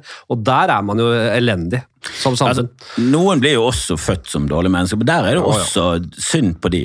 Altså så Ted Bundy han hadde flere søsken, var ingen av de som ble seriemorder. Han var et tomt skall av et empatiløs sosiopat som var sadist i tillegg, og det er en dårlig kombinasjon. Veldig var, dårlig, veldig dårlig. det, det, fører bare til ulykke. Men når du leser Jeg prøvde å få til dette som en vits en gang. eh, at, at, at Hitler at det er sånn Når du leser om at Hitler har hatt en forferdelig barndom, så, så er det nesten sånn at det er jo bra.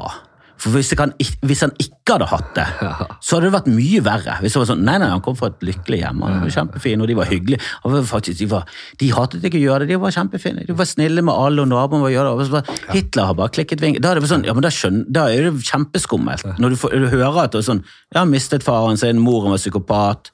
Han, var, han, var, han, han vokste opp Stalin og vokste opp med en grusom mamma som ikke burde hatt barn i det hele tatt. Var bare et forferdelig menneske. For et monster av en mor.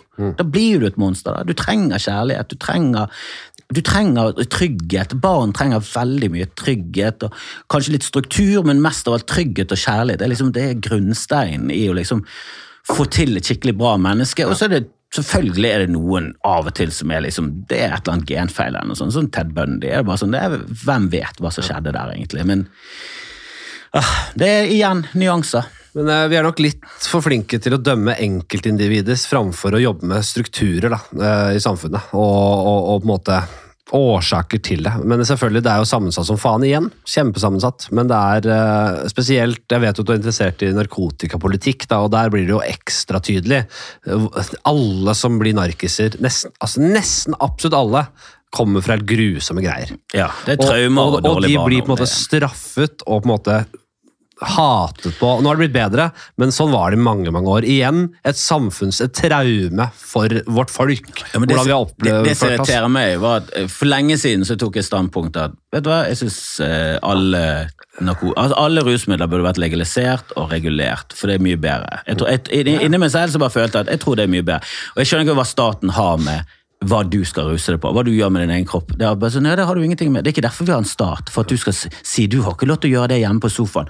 Du skal regulere hva som skjer i trafikken, for da samhandler du med andre. Du skal regulere hva som skjer med andre. Ja, ja, greit det, men hva du gjør med din personlige kropp, skjønner ikke hva. Jeg skjønner ikke hvordan de i hodet sitt har funnet ut at det er greit, og at de gjorde det, det er jo basert på mye kristendom og rasisme og alt det der greiene der, men at de fortsatt tviholder på det, når vi ser hvor jævla dumt og jævla dårlig det har gått. Er bare sånn, Dette er jo forbudstiden en gang til. Det funket ikke på alkohol, funker selvfølgelig ikke på andre rusmidler. La folk få lov til å ta frivalg. Og jeg var sånn, jeg driter på om narkotikabruken går opp i samfunnet. Jeg syns det bør være prinsipielt sett fritt. Jeg skjønner ikke hva vi holder på med. Og så viser det seg at du, narkotikabruken går ikke så veldig mye opp. Hvis du legaliserer cannabis, så går cannabisbruken opp blant voksne, blant de unge.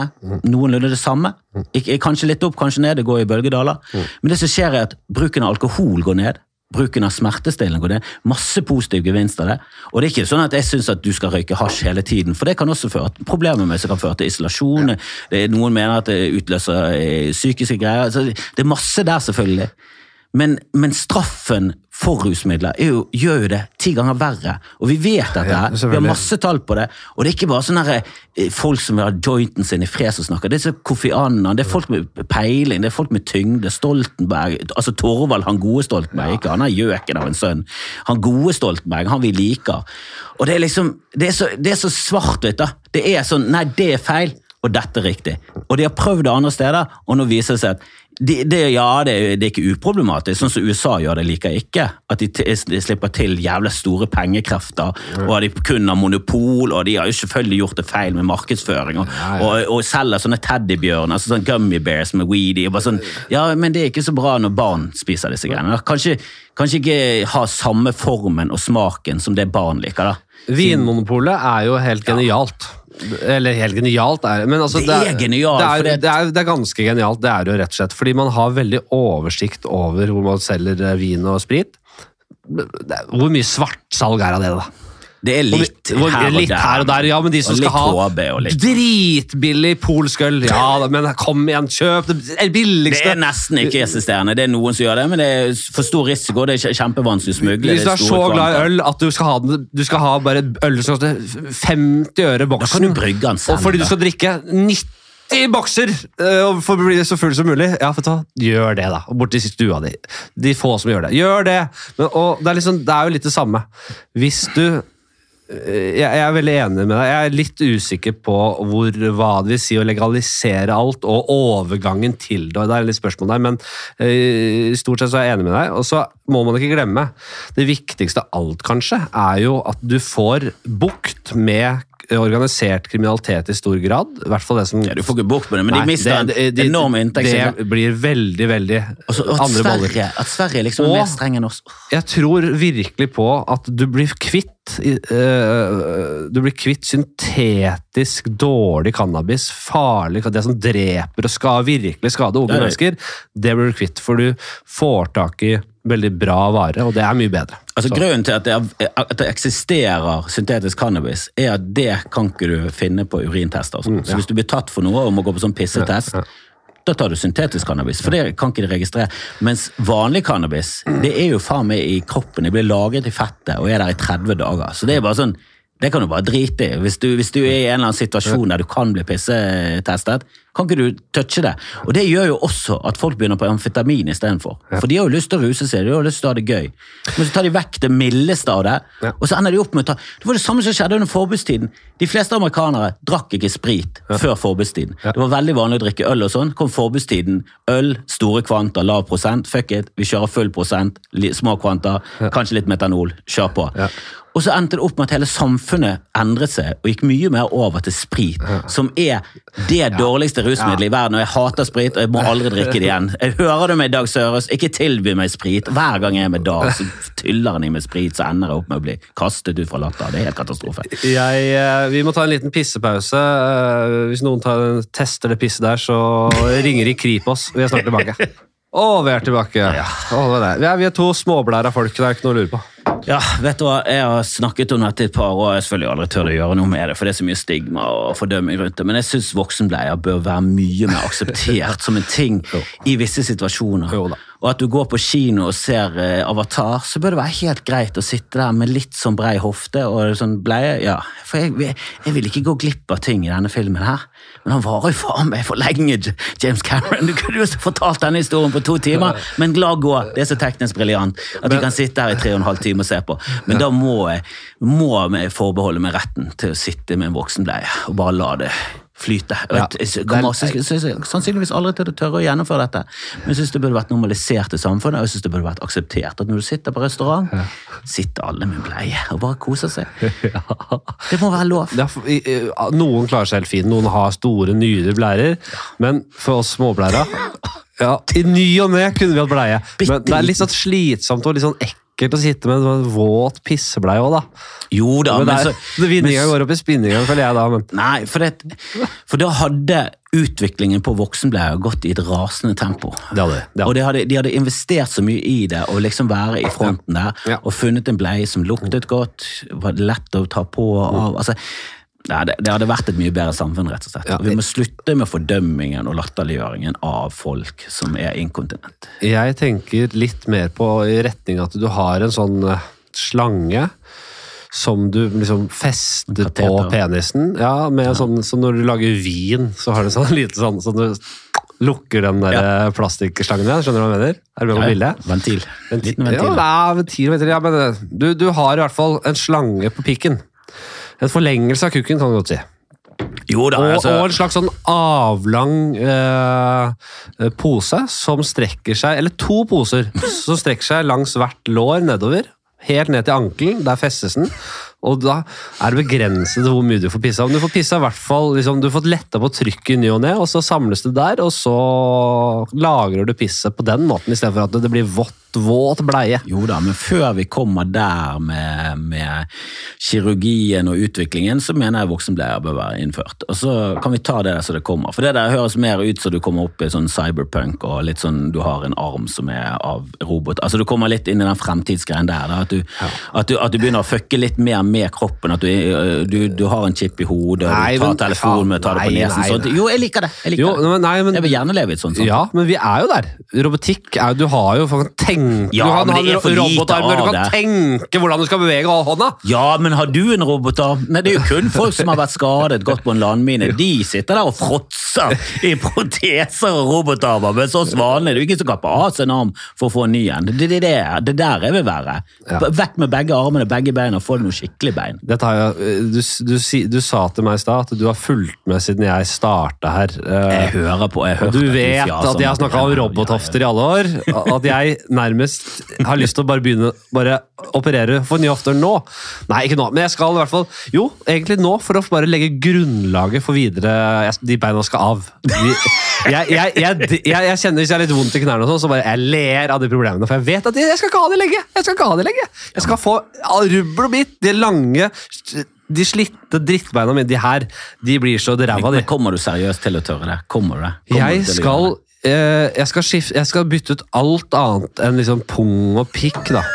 Altså Alt rundt der er stål. Stå, stå, stål. Men blæren, st- da tar du blæren. ikke stål. Aluminium. Blæren kan du ta i samme Er det aluminium du vil lage det protesen av? Ja, det ruster ikke. Det er sånn eh, Ja, det holder seg. Det vil jeg ha. Det beste. Men kevlar er vel også eh, Kevlar høres bra ut. Kevlar høres kjempebra. Men jeg vet ikke hvor bra det er med sånn, eh, om det knekker og sånn. Altså, må, kanskje metall er bedre. Men du, du, du må Jeg vil ha en eller annen At det ikke er et rent grunnstoff. Jeg vil ha noe blanding der. Jeg vil ha noe high-tech. Jeg vil ha et eller annet. Vet, når du liksom, hvis du tenker en litt sånn sci-fi-film, og så The Good Guy, som er et menneske av kjøtt og blod, og selvfølgelig en, en David eh, mot Goliat og regnet, da, så liksom tenker at det nå det er noen farer som truer, og så rett over åsen så kommer det et sånn robotbein.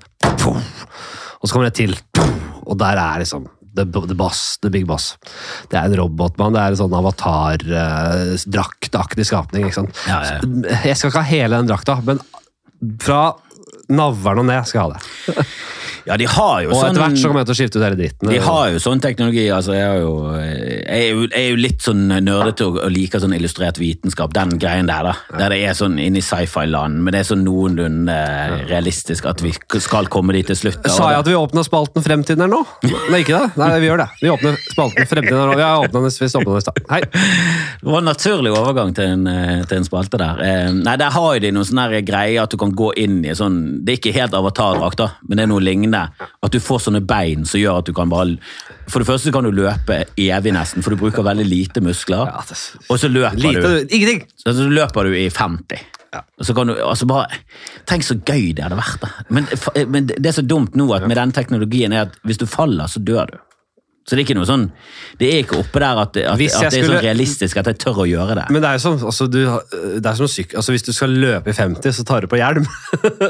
Ja, En Skikkelig, og da er det god hjelm, altså. Og vet du hva, jeg har jo syklet i 50, så å si, med, ja, min, eh, med min sønn bak i sånn vogn, og, og sammen med en dame. Vi har syklet ned fra Å, fy faen, jeg har bestemt meg at jeg aldri skal gjøre det.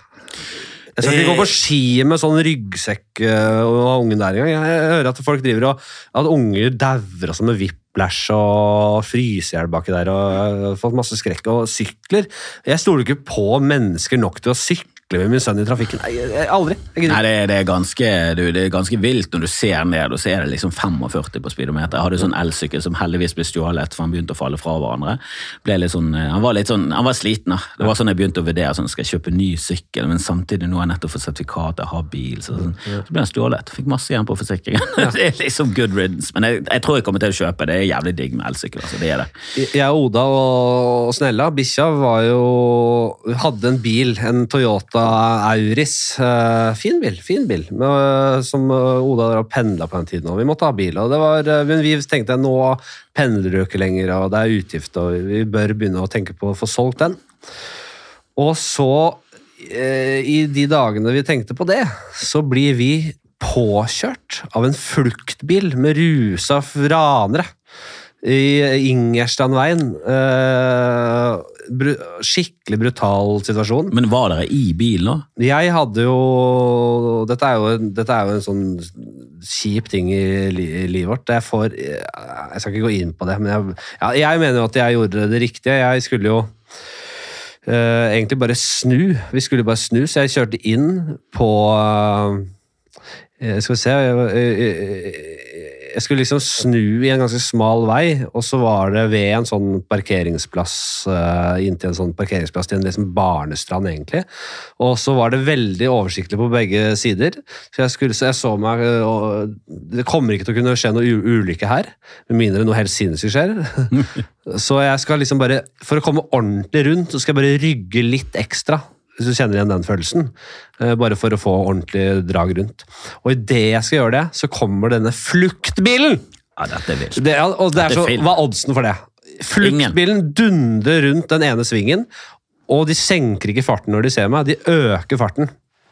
Så jeg sa muligheten, skal jeg, når jeg ser den komme mot meg i, Dette har så få sekunder å tenke på, da, så eller, eh, det, Skal jeg nå kjøre litt fram? Eller skal jeg rygge tilbake mot parkeringsplassen? Hva gjør jeg nå? Eller skal jeg stå stille?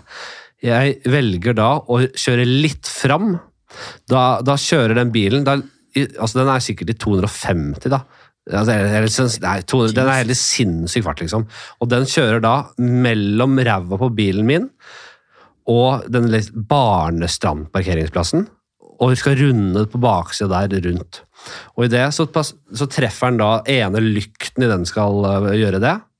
Hadde jeg rygget, så hadde den truffet liksom rett inn der jeg sitter. Og så sitter Oda og Snella. Oda holder Snella hendene sine på passasjersetet ved siden av.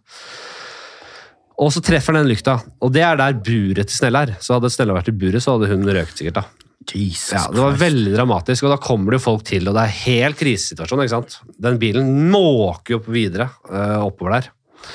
Eh, så det blir jo veldig dramatisk. Jeg har aldri vært så satt ut. Jeg var helt sånn apatisk, liksom. Men øh, det, ja, det var veldig dramatisk, og så viser det seg i ettertid at den, det var en fluktbil, en, en stjålet bil.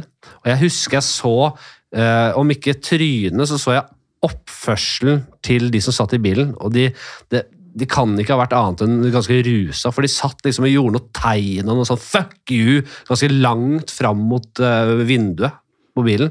Så Du sitter ikke sånn, du sitter ikke en hel gjeng i en bil og bare Ja, men Det er så sykt, for da tydeligvis eh, hjernen din gått over i slow-mo. Der du får med deg sånne ting. Og det er så sykt med sånne vitner og sånn, der det viser seg at, at mennesker er så ræva vitner. Men skjer det noe helt sånn psyko-katastrofe, sånn som hun som ble voldtatt av han der eh, Kavanaugh som ble hø- hø- høyesterettsdommer, og folk var sånn du, 'Hvordan kan du huske detaljer ditt og datt?' Sånn, For når noe psyko skjer, traumatisk, da kan du huske føflekker. Du kan telle føflekker i trynet på folk. Du husker alt. Det er slow-mo. Hjernen går inn i en helt annen modus. Det bare, altså, når, når du, jeg husker en gang eh, jeg var i en sånn eh, Vi kjørte mot eh, et skisted i Bergen. Ligger på Kvamskogen. liksom 45 minutter, time med en bil. Så kommer vi ut av en tunnel. Og da har det regnet før den tunnelen, men det er stigning hele den tunnelen. Og den kaller vi Wonderbaum-tunnelen. For det, det er sånn når du kommer ut på andre siden, så er det veldig ofte sånn At da er det snø. Da kommer du ut i snøland. For det er såpass stigning at det, det er kanskje bare sånn 30-40-50 meter, men det er av og til nok til å gå fra sludd til ekte snø. Ja, ja. Men vi kommer ut der i altfor høy fart. Min bror kjørte, og bare tsk, med en gang mistet kontrollen. Over i andre filen, heldigvis ingen mot, men ratter og styrer på. Sidepassasjeren prøver, og så tilbake igjen til den andre siden og skraper bortover. Og snø fyker alle kanter, og ingenting skjer. Det var, det var faktisk ikke en skrape i bilen engang, pga. snø, snøfonn. Ja. Så fikk vi, det var ingen skader. Men der går du inn i sånn her modus der du får med deg alt, og du bare, du har, så, du har god tid til å tenke. Satan, hvis det kommer en bil mot oss nå, så kommer vi til å bli hver snill, ikke kommer bil, og ser fremover, ser at det ikke kommer bil. Vi må heller ikke være en bil foran oss, for vi kommer til å måke inn i alt. Vi har ingen kontroll. Og det er liksom sånn, det går inn i en sånn modus der det er nesten sånn Og så bare Du hører ingenting, du får bare med det. Det er så sykt, det. Ja, jeg, det er jo på en måte Det er veldig interessant at du sier det, for jeg har jeg har opplevd det, men jeg har ikke tenkt på det på den måten før. Men det er helt riktig. Du, det fryser. Du, det er en helt annen oppfatning av tid og sted. Det, det låser seg i minnet ditt på en helt annen måte. Ja. Sa jeg at vi lukket spalten og fremtiden er nå? på. Åpnet spalten. Traumer. Famous last words. jeg husker jeg uh, var på altså, det, det gamle busstoppet i Storgata i Oslo, Uh, ved Gunerius. Jepp. Og så var jeg litt i min egen verden, og så kom det, var det en buss som jeg ikke så eller tenkte på, som jeg bare jeg klarte så vidt å hoppe unna. Jeg, det var tuting, og det var sånn i full fart der. Men jeg fikk en liten kilevink på kinnet av uh, speilet på bussen. Oh, Jesus Og den følelsen og alt da husker jeg det har brent. Dette er mange år siden, mye lenger siden. Dette er sikkert da jeg var 19. ikke sant? Man husker de tingene. Og det, det er så synd er at jeg har vært i noen sånne situasjoner der jeg har funnet ut at fuck, jeg er ikke god i sånne situasjoner. Jeg gjør ikke de rette valgene. Jeg husker en gang vi, vi kjørte fra Bergen til Kristiansand, og så var vi kommet eh, liksom over på østlandssiden, litt sånn Midtlandet der, og, og, og det var på sommeren og sånn. Og så var, så elg for første gang i mitt liv. Sant? Det er ikke elg på Vestlandet, vi har hjort. Jeg bor rett utenfor Bergen. og I Bergen så er det hjort. Der går du inn i skogen, kan du treffe på hjort. Altså min, min samboer har gått i skogen, som er rett det er befolkning overalt. Og så har det plutselig bare stått en hjort der. Og hun bare, hva faen som skjer? Og vi har sett hjort spise epler fra et epletre så rett utenfor oss. Vi bor sånn altså vi bor i sånn rekkehus, suburbia-greier. Det skal ikke være hjort der, men det, det er Bergen. På Østlandet elg. Og de er jo Ja, det, helt annet. Jeg ler nå, for jeg, jeg skjønner ikke hvor, hvor er du nå? Nei, nå, eh, når du kjører fra Bergen til Kristiansand, kjører du ikke langs Ja, kysten. hvor, hvor, er det så rart at det ikke er elg der? Hvorfor, er det, er rart at det er hjort? Jeg skjønner ingenting! Nei, jeg så elg for første gang. Ja, ja. Jeg ble, det, det, ble distrahert av meg selv, og så tok jeg en liten digresjon, så er vi tilbake. Det var ikke en historie. Nå må du henge med. Nå må du henge med her. Er- Faen, dette er jo to flatsetter. Ja, du, men du, du er så profesjonell at du har ikke drukket noe. Men det er høy på kaffe, jeg er full av koffein. Nei, men jeg, jeg ser elg for første gang og blir veldig sånn fascinert. Så bare sånn, å faen, kult. Du, du, du, når du bor i Norge, så må du se elg. Vi har de elgskiltene, det er jo en del av nasjonen vår. Du må jo se elg. Så jeg var litt sånn check på bucketlist. Endelig har jeg fått sett elg. Og så går det to minutter. har du minutter. sett elgskiltene? Ja, Da må du prøve dette. Men så kommer det en jævla elg til, da. Jeg hadde fått nok av elg. jeg. Jeg hadde sett en elg det holdt. Så kommer det en elg hoppende ut i veien. Rett. Og han er på vei over veien, og vi kjører forbi han i 80. Og han er så nærmt at jeg husker hvordan han ser ut når jeg ser til siden. For Den ene elgføvleggen, husker du? Ja, men jeg husker at han var så nærmt Altså, vi snakker kanskje 40 cm fra, Ja, ja. eh, fra eh, førersruten. Der er han. Og han er så nærm at, at når vi suser forbi, så, så ser vi at han krysser veien. Han er jo stokk dum, han skjønner jo ikke teknologi, ingenting. De er jo så jævla dum. Men jeg fryser jo. Jeg fryser og ser på den elgen og bare ser detaljer i trynet på den. Jeg blir jo livredd. Sjåføren han går jo ned, dukker ned under rattet. Han hadde jo overlevd. Jeg hadde jo dødd som en gal. Hadde jo blitt brukket ryggen bakover av denne elgen som hadde veltet inn i bilen, og så hadde han bare flerret av hele taket. Og jeg, bare, det var, jeg ble så skuffet. Det var sånn, faen, flight or fight.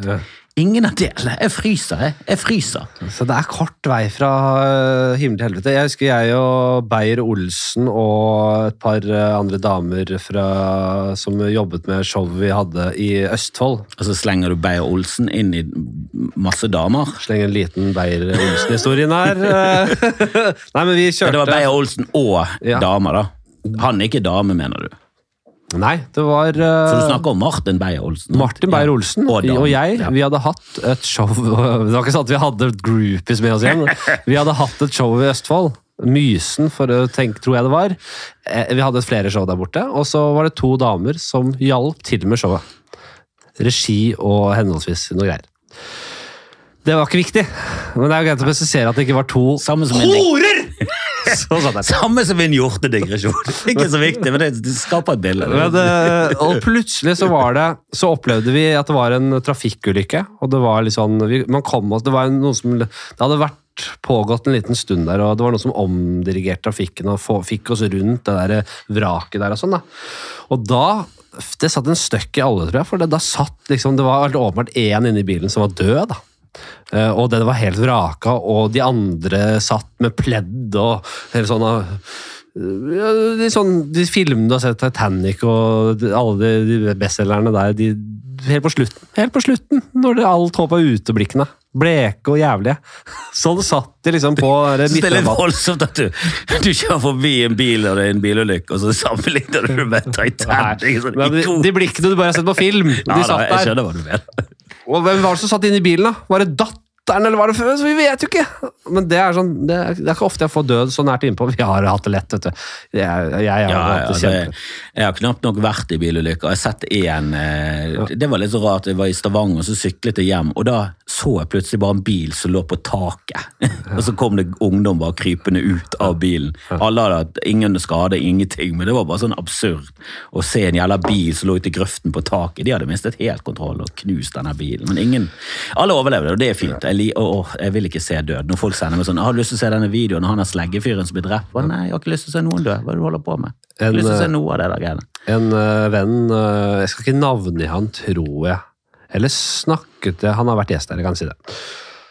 Han kom på en sånn Vi hadde en sånn øving på et eller annet en gang. og så var han helt bleik i nebbet. Han hadde ikke sovet. Han var helt Han var nesten ikke han hadde møtt opp i det hele tatt. For han hadde rett og slett prestert å se halshuggingen av de to jentene. øh, ja, jeg vet at det eksisterer mye, men det, jeg, oppsøker ikke Nei, ikke faen!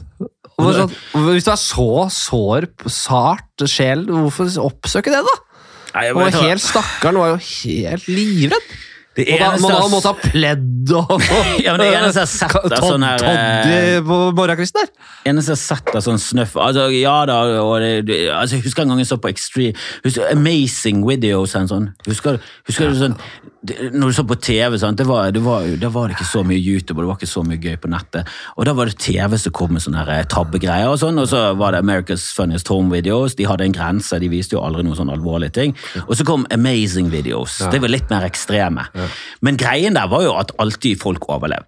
Amazingly, no more die. Det var jo alltid hver video. Det, var sånn, det så helt jævlig ut, så ut som tusenvis av døde. Så var sånn, det var faktisk bare fire breinbrudd. Det var liksom, og det var nesten kontrakten mellom oss og programmet. at Du skal ikke vise snøff. Men så viste de en gang en bil som bare dundret inn i en sånn her midtrabatt i USA. Og de er høye.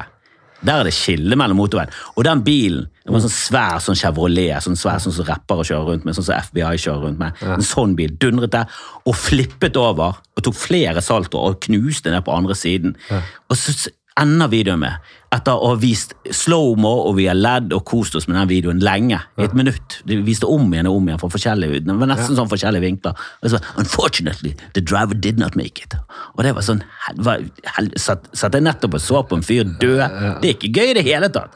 Jeg har jo ledd og kost med og drukket pils og vist det til andre, og så døde fyren! Åh, nei, det, Jeg jeg merker det- jeg oppsøker ikke sånne, sånne ting som det der. Det Jeg tror ikke jeg hadde vært Det det må være såpass ærlig å si, om det gjør meg litt mer til psykopat. Det får bare være. Men jeg tror ikke jeg, et fiber i kroppen min hadde brydd meg om den fyren som hadde daua. Nei, nei, det var ikke Det det. er jo sånn men hvis det jeg ikke var... hadde sett han Åh! Nei, nei, nei, nei. Altså, det, det, det var filmet med sånne kamera, så det var ingen detaljer. Du så ikke et lik ligge der, liksom. Jeg bare mener at den kontrakten vi har mellom programmet og, og oss seere, var at du viser helt ekstreme ulykker, og så dør selvfølgelig ingen. Det er jo liksom greiene. For da kan ikke du sitte og kose deg og le. Da, da er det plutselig alvorlig. Det vil ikke jeg sitte og se på. Nei, jeg- ja. snøff. Og jeg liker. Jeg husker Dag sendte meg fra Bataclan, den terror- Ja. Nei, eller Charlie Hebdo. Ja. Der sendte han meg noen som var kledd ut som politimenn, og så, eh, så begynner de å skyte på politimenn. Så ser du en politimann som ligger opp med liksom hånden og sier sånn Og så blir han skutt. Ja. Og jeg skjønte jo ikke hva som foregikk før jeg liksom eh, før det skjedde, da, at jeg så han plaffet av med kaldt blod når han lå der. Og Det, var, det tok litt tid for hjernen min. og bare sånn, Å, helvete, Du faen er det terror! Ikke send meg ned, den er psykopat! Og bare, hva er det, hva er greia? Bare, Hva er greia med den jævla Men som underholdning så er det helt jævlig, men som kunst, altså sånn som uh, Utøya, Erik Poppe-filmen, da. Den synes jeg, Det var helt sinnssykt å se på. eh, og den syns jeg har en jævlig viktig funksjon. da, fordi jeg hadde ikke klart å se for meg hvor brutalt det greiene der var. før jeg jeg det. har ikke orket å se den. Nei, og det er veldig brutalt, men da får du, skjønner du hvor enormt traumatiserende det var å være på det greiene. Altså, tenk deg det! Og tenk på de der kommentarfelt sånn ja, 'Hva er det du? Å, du var på ute. Hva er det for noe piss?' Bare sånn, Å, helvete! Så dine fingre bør bare bli knukket rett av. din Det er et tysk ord Og ingen heter- robotfingre. Kun sånne trestumper ja. kan du sitte med og kakke løs på det tastaturet, din jævla idiot. Det er et tysk ord som eh, jeg leste en av de Det er en sånn uh, Insta-side, sånn gul med sånn der, s- quotes og dritt, eller sånne faktating. Jeg vet ikke hva jeg sikkert. Der er det, et- det er et tysk ord som er sånn Kampferschnarsnung. Og det betyr person som skulle og burde hatt en fik. det har, vi ikke, har, har vi det på norsk? Klassetrinn. Klassetryne. Klassetryne. Vi har det i Bergen. Slåtetryne. Ja. Dratetryne. Men dra Det er ikke det samme. Nei, dra til trynet. Det det er for mye ord. Klassetryne, rett på sak. Jo, men det er liksom- Klasse, Han fortjener klassing i trynet. Dratetryne er vel et spesifikt person som trenger Det er vestkantklyser Ja, men ikke i Bergen. Klassetryne. Det kan bruke alle som fortjener Alle ja. Alle som fortjener en fuckings fik. Klassetryne. Klassetryne. Det er bra ord. Men tyskerne har de, de, altså tyskerne er et ærlig folkeslag når det kommer til språk og sånn. Og de har selvfølgelig svin på skogen. men Det er ikke alt tyskerne har gjort som er bra opp igjennom. Jeg har ikke jeg, Det finnes ikke Men Schadenfreude er fantastisk, og det er jo der vi har tatt skadefryd fra. Og det har de ikke i USA. De har, de har ikke tørt å inkorporere det ordet i språket sitt, for de tør ikke å innrømme at jo, men det er av og til litt gøy å se på at andre skader seg. Jo det slapstick er, for faen. Og dere kan jo slapstick, og ikke, ikke lat som om det ikke er litt morsomt. Og det er ikke morsomt hvis det, Jeg husker jeg så en gammel mann i Bergen som skled og, og, og landet på hoften, og du, bare, du merket at 'Å, du er fucket, du'. Og de måtte hente meg ambulanse. Det er ikke noe gøy. Ja. Men en ung mann i sin beste alder som går med en mobiltelefon og snubler i et eller annet og knuser ned i asfalten, kjempegøy! Og om han brekker Ja. nesen, gøy! Jeg Han er så- ung, han klarer seg. Jeg så en gang en litt sånn eldre dame, ikke veldig gammel, men en middels gammel dame, som syklet, eller hun sto stille med sykkelen sin. Og så begynte hun å vikle seg inn i sykkelen og, og miste kontroll. Hun, mistet rett og slett øh, Det var som om sykkelen levde, at hun fikk en fot inn der, og så balla det på seg. hun, det, det ble en sånn, sånn knutemor-variant med den sykkelen. og Hun prøvde å, og begynte å liksom hoppe litt for å liksom holde balansen der. Etter hvert så hadde hun ikke sjanse til det heller, så da begynte velteprosessen å skje. så ble det bare sånn veldig seig prosess av falling og innvikling i den sykkelen før hun lå på bakken. Og det var på mange måter der og da grusomt å se på. Jeg var for langt unna til å gjøre noe. Jeg måtte bare observere denne utrolig dumme fallseansen. Eh, Men det gikk veldig bra med henne til slutt. Og kom bort og fikk hjulpet henne opp, og det hadde gått bra med henne.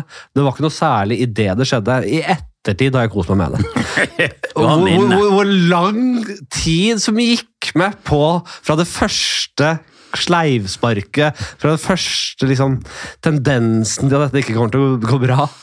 Jeg så alt, jeg så hele veien! Altså, hun, hun ble vikla mer og mer inn i den sykkelen og hadde ikke kontroll, rett og slett. Sykkelen eide henne. Og spiste henne opp og førte henne til bakken. Men jeg føler at dette er et bra punkt til å Du snakket jo om før vi begynte at du hadde noen nye scenarioer på blokken. Ja, og jeg, jeg føler at det, det er en bra overgang. her. Nå er vi i det landet der, der det er hypoteser og alt det der. Vi skal inn i det. Uh, min gode, gamle venn Andreas Hedemann. Uh, kjenner du til han? Nei, men jeg trodde du skulle si Andreas Dedekam, så jeg ble litt skuffet. Nei, han Andreas Hedemann han er en uh, solid type. Han har kommet med scenarioer før. Kjent, han, nei, han, har, okay. han er kjent i mange mange år. Han er fra, fra Nordstrand og spilt og, og jobbet med Lambertseter-revyen oppi der. Han har gått Westerdals, han har jobbet Nå er han øh, øh, primus, mu- primus motor bort på nerdelandslaget. Dette gaming øh, Ja, ja, sånn, denne, denne gjengen med, med, med nerder, for å si det rett ut. Så han jobber og sammen med Blippen. Ja. Ja. Liker. Ja, ja, helt klart. Uh, United-mann, han, han ga meg en gang en T-skjorte. Dette er også sånn, dette kunne jeg si som en 19-åring, da.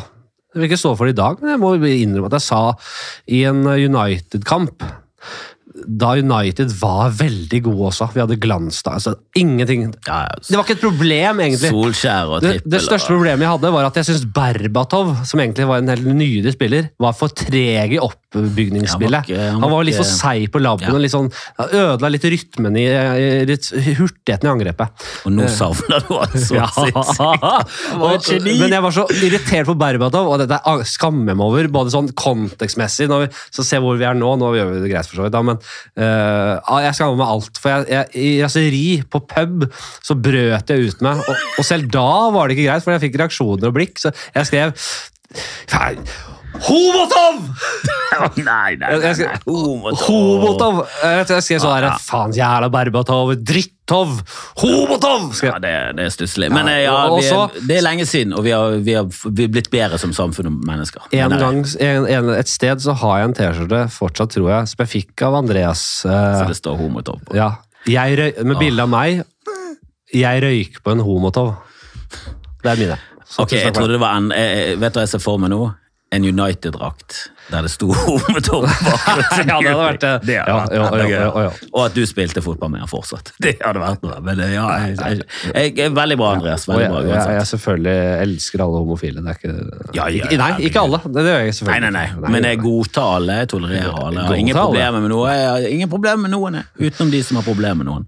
Han skriver Halla, muligens nytt scenario som datt ned huet mitt her. Så han er litt sånn i, arbeidsprosess selv. Altså, vi, vi tester ut, og Andreas vet jo alt om en prosess ikke sant? eh, når det kommer til eh, tekstskriving og humor. Han har skrevet så mye. Og, uh, jeg synes, jeg har lest gjennom, jeg vet jo hva det dreier seg om. og Jeg stilte også litt sånn oppfølgingsspørsmål. Ja, men hva med dette? Jo da, men da Så jeg har litt sånn oppfølgingsdiskusjon også på Instagram. Vi kan gå og hente det, eller så kan vi bare ta det som det kommer, og, og se hvor det, hvor det bærer. altså. Et, sted, et, et sted må vi starte. Eh, Dette, kan- dette kan bli en ny greie som du kjører. det kan det. Ja, det kan det. kan fort bli en, liksom en, en, en, ting folk husker det for. Jeg, tror, jeg har jo hatt eh, Jeg er så dårlig på å lage sånne ting selv. Jeg, har ikke jeg, er- så, jeg er så lat og drittmenneske. Jeg, får, jeg må få det fanget før. Det er utrolig hvor mye du klarer å produsere og gjøre, og Ja. samtidig være en lat drittsekk. Det er helt Det er helt utrolig. Det er helt Du utrolig. flyter kun på talent. Ja, det er kun, kun mm, 100 talent, 0 eh, hardt arbeid. Du jobber på et stort kjøpesenter.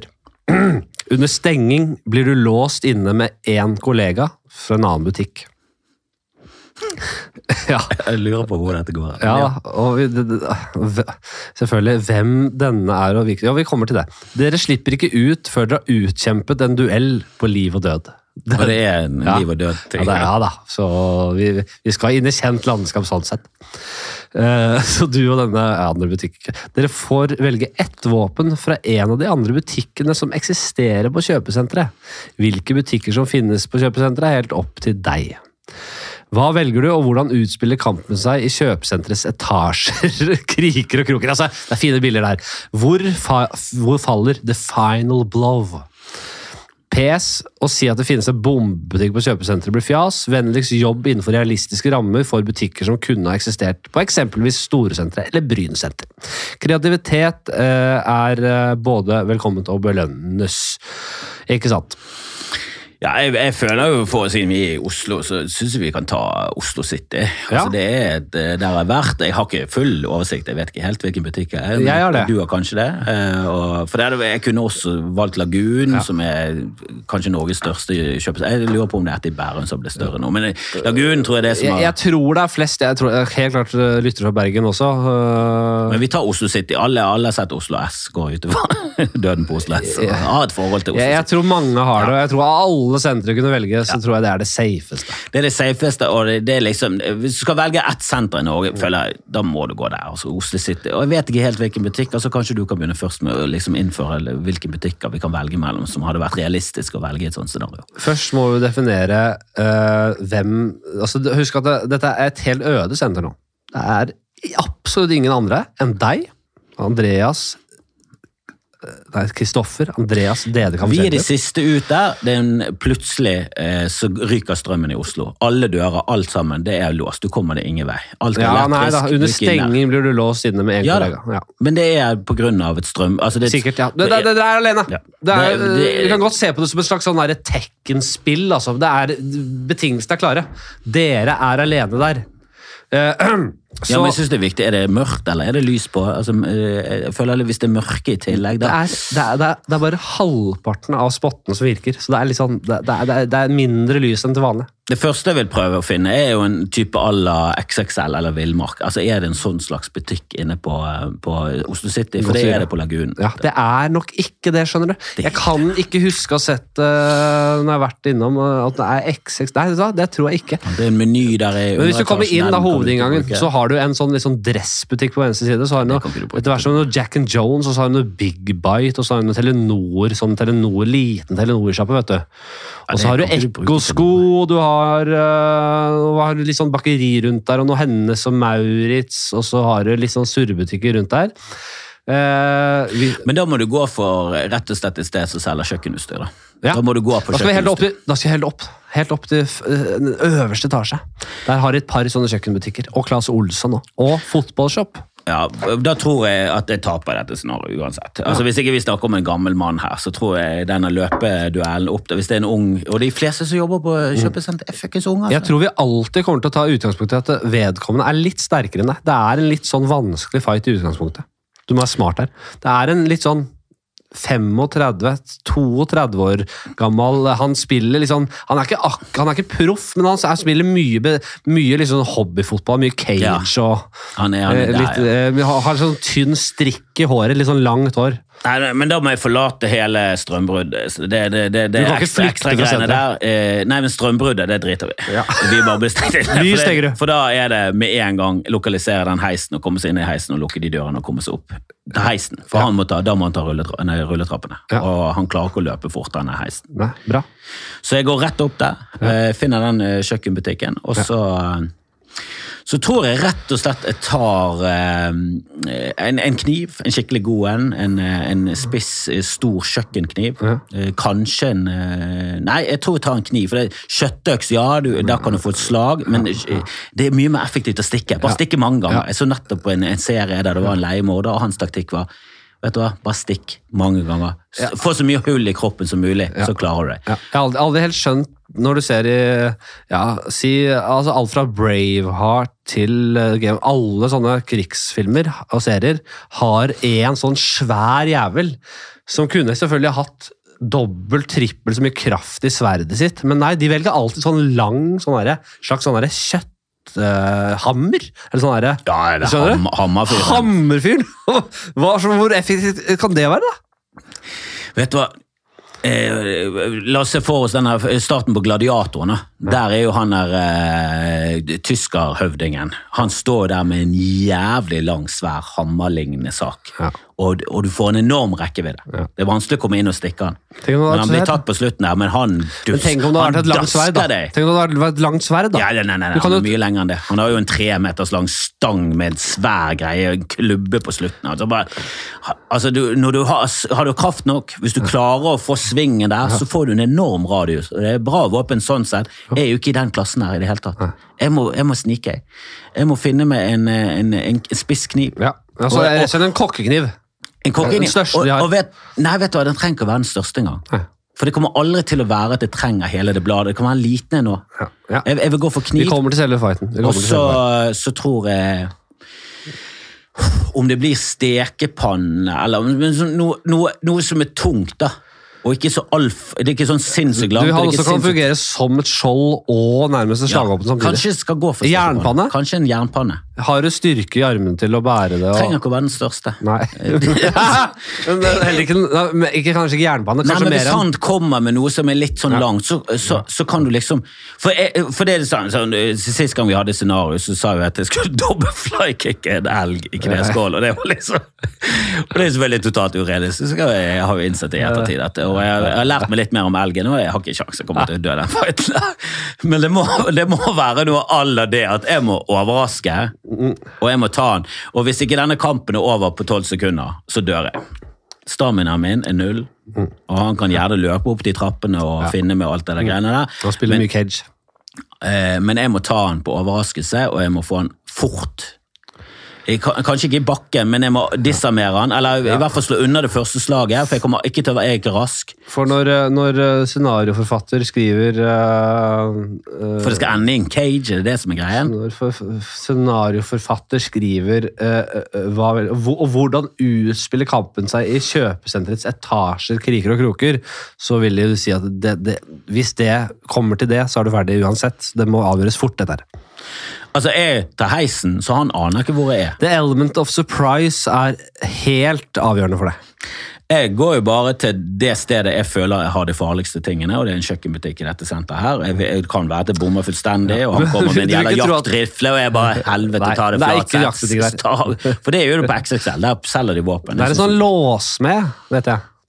Ja, De har vel noe verktøy. Nei, de kan det er ingenting der som greier. Men hvis det er en butikk som selger eksempel pil og bue, da, som en sportsbutikker kan Nei, det, jeg vet akkurat hvor de butikkene er, så det, det, det er Ja. på utsida. Det er ikke langt unna Oslo City, men jeg kommer, ikke, jeg, har sagt, jeg kommer ikke til å avsløre hvor den butikken er som selger armbrøst, fordi den, den skal jeg ha for meg selv når det blir uh... Men jeg tar heisen opp, jeg går inn i den kjøkkenbutikken, så håper jeg at han aldri finner meg. Det er min taktikk. Og hvis han finner meg, så må jeg være på et sted kanskje litt sånn halvhøyt oppe, så når han altså drar frem far et sånt forheng, og så hopper jeg på Men han. Stopp! Stopp! Må, må jeg bare, nå må jeg bryte inn. For du, Ja da, kan du, kan, du kan ikke Altså, er ett sted du ikke skal liksom overraske motstanderen, så er det inne i kjøkkenbutikken. Går ikke, du, han, er han går ikke uvørt gjennom kjøkkenbutikken! Jeg sier jo ikke at jeg skal være hjemme med i kjøkkenbutikken. Nei, du må på den jeg har derre- god nok tid. Han er på vei opp de der dumme rulletrappene, han, og de er jo stoppet. Så han må løpe manuelt opp alt. Ingenting er på. Men jeg tror, jeg tror ikke det tar mer enn kanskje ett minutt og i full spurt løpe Er du der. altså. gal? Du får melkesyre i tredje etasje. så Ja, men han, er, han spiller med cage. Jo, men den siste etasjen, det sitter seg i beina, det. Herregud, han er ikke trappeløper. Han er ikke profesjonell Neida. trappeløper, han fyren her. Ja da, han har stammen, og han kommer opp ganske overraskende fort, men da er jeg inne i en klesbutikk der på toppen. Ja. En eller annen, en eller annen sånn skatebutikk, sånn eh, Session eller noe sånt. Eh, og der, der står jeg inne i prøverom og venter på han. Og så, så, så, så tror jeg rett og slett jeg har eh, I den ene hånden så holder jeg en hettegenser og den kniven. Så jeg kaster hettegenseren på han, og så, og så bare dunker han. prøver Du- du å dunke med at- Og så stikker, stikker, stikker, stikker. Du drømmer kanskje om at du liksom får hetta over motsatt side der den skal være, sånn at den fester seg over hodet hans. Hetten fester seg Jo da, over. i tilfeldighetene kan jo hjelpe meg, men jeg tviler på at det skjer. Jeg bare, jeg bare, hvis jeg kaster noe på han, så tror jeg han blir så jævlig, han kvepper seg, eller han skvetter seg jævlig. Ja. Han, så, og det er nok for til han er jeg- også klar over at det er én mot én til døden her, så han, han skvetter av det, tror du. ja, ja, han skvetter av det, han blir livredd. Ja, Eh, det her er elg, flykick er på elgen-naivt, men ok. Jo da, men det, det er Altså, jeg har en eh, Du- du Jeg kaster har en liten sjanse. Du kaster hettegenser over ham. Ok, Få høre din. Dette er første gang vi tar det, dette. det handler ikke om meg, dette. Ja, men Det er min taktikk. Det er Finne Ja, ja. en stekepanne, en, ikke en stor en, bare en, eh, en med treskaft og en stekepanne der, så, og, og den er solid. En eh, f.eks. Creuset, for eksempel. Eh, Jeg ser jo an merket når jeg tar den dyreste. Det merker jeg at jeg kommer til å gjøre. Jeg skal nok inn eh, bare kjapt inn på eh, Husk at vi har tid altså folk, Vi ser jo ikke hverandre før eh, det smeller her. Ikke sant? Så man har tid på å velge butikk. Jeg eh, kjenner Oslo City ganske godt. Jeg pleier å dra dit og shoppe ting hvis jeg skal liksom på innom litt forskjellige greier. Så dreier Jeg skal opp til Claes Olsson. Og der er det relativt mye greier du kan lage ting som gir støt og bomber av. Er og det er ikke noen bombebutikk der. Det, det, det sier Hedman her, at det, det, det, det med fja- fjas, og jeg er enig i at det er en bombebutikk. her. Jo da, du kan jo selvfølgelig Jeg vet sånn- godt hva som er Porsche City, og de som vil arrestere meg på det, det er rett ved Beat og, og rett ved øh, Platekompani og Nordli der, og, så, og, og så har du en liten rulletrapp opp, så er det øh, fotballshop der du kan få deg drakter og greier, og så er det rett inn rundt hjørnet der. så er det vi- Det her er en veldig utilgjengelig butikk på Oslo City, for de som er Oslo City-kjent. Det er den mest utilgjengelige butikken på hele senteret, men det er en stor Claes Olsson langt oppi der, langt inni der. Der skal jeg, og der skal jeg boltre meg.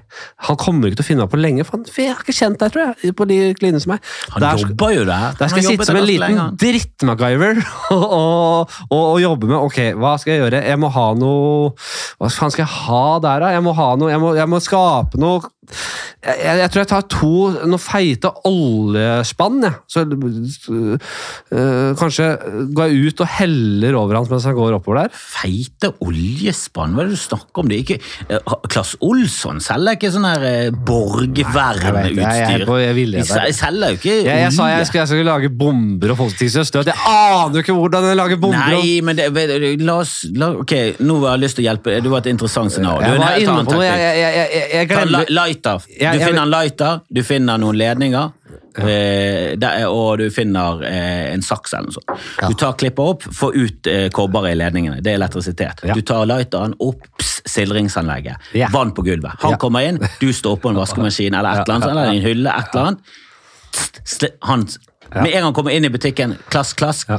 støt. Hør, sammen er vi gode. Min visjon, din, Ja, ja. din, din utførelse. Ingen av oss er fysiske monstre.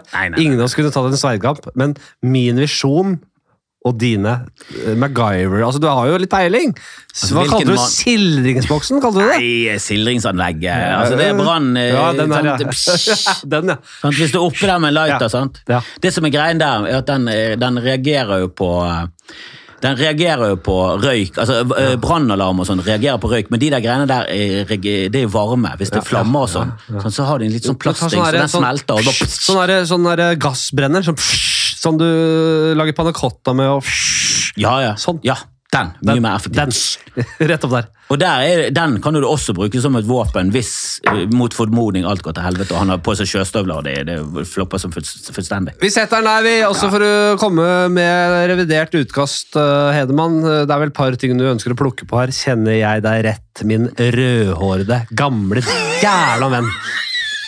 For det er han, og det vet han godt selv, og det eier han. Han er jo, han for meg, eh, når jeg møtte han, og det vet du, jeg har sagt, sagt det mange ganger, min Bjørn Dæhlie var han. Uten all det psyko-greiene Bjørn Dæhlie har, selvfølgelig. Ja, Men han har lignet litt på Bjørn Dæhlie, i hvert fall i sine yngre dager. Han har det rødlige håret, han var skiløper i sine yngre dager, Hedemann.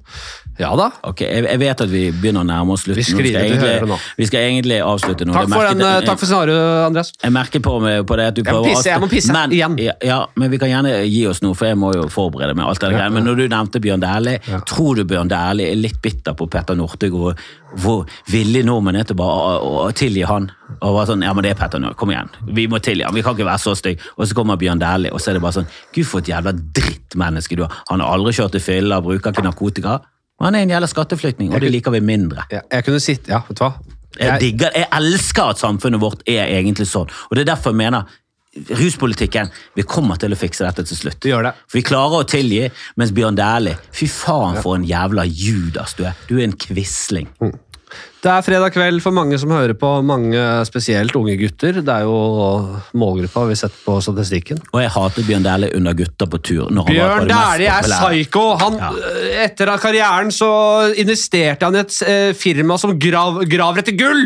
Ja, Gullgraverfirma! For han, han, var som, han fikk ikke nok gull! Han satt som bare, Jeg, jeg, var mer gull! Jeg, jeg var mer gull! Men nå er jo han uh, mye mindre populær enn han var. Men jeg hatet han når han var på sitt mest populære. Når han vant OL-gull, så jublet men det var alltid en bismak. For det var, jeg likte Ulvang mye bedre. Jeg likte Alsgaard mye bedre. Bjørn Dæhlie, du er et forferdelig menneske. når, når, når han datt over målstreken der og vant eh, OL-gull med det snørrete, bleike Ja, trynet ta og Vask deg før du går i mål.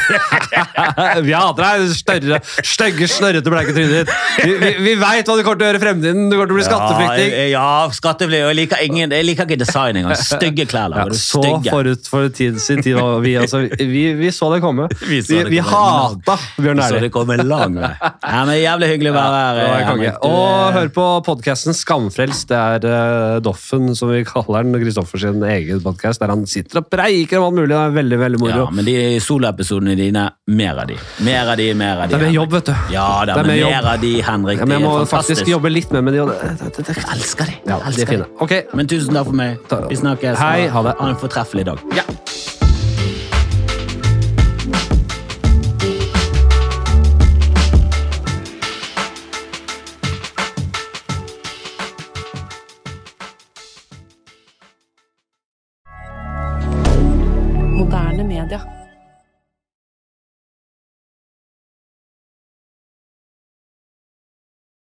Har du et enkeltpersonforetak eller en liten bedrift? Da er du sikkert lei av å høre meg snakke om hvor enkelt det er med kvitteringer og bilag i fiken, så vi eh, gir oss her, vi. Fordi vi liker enkelt. Fiken superenkelt regnskap.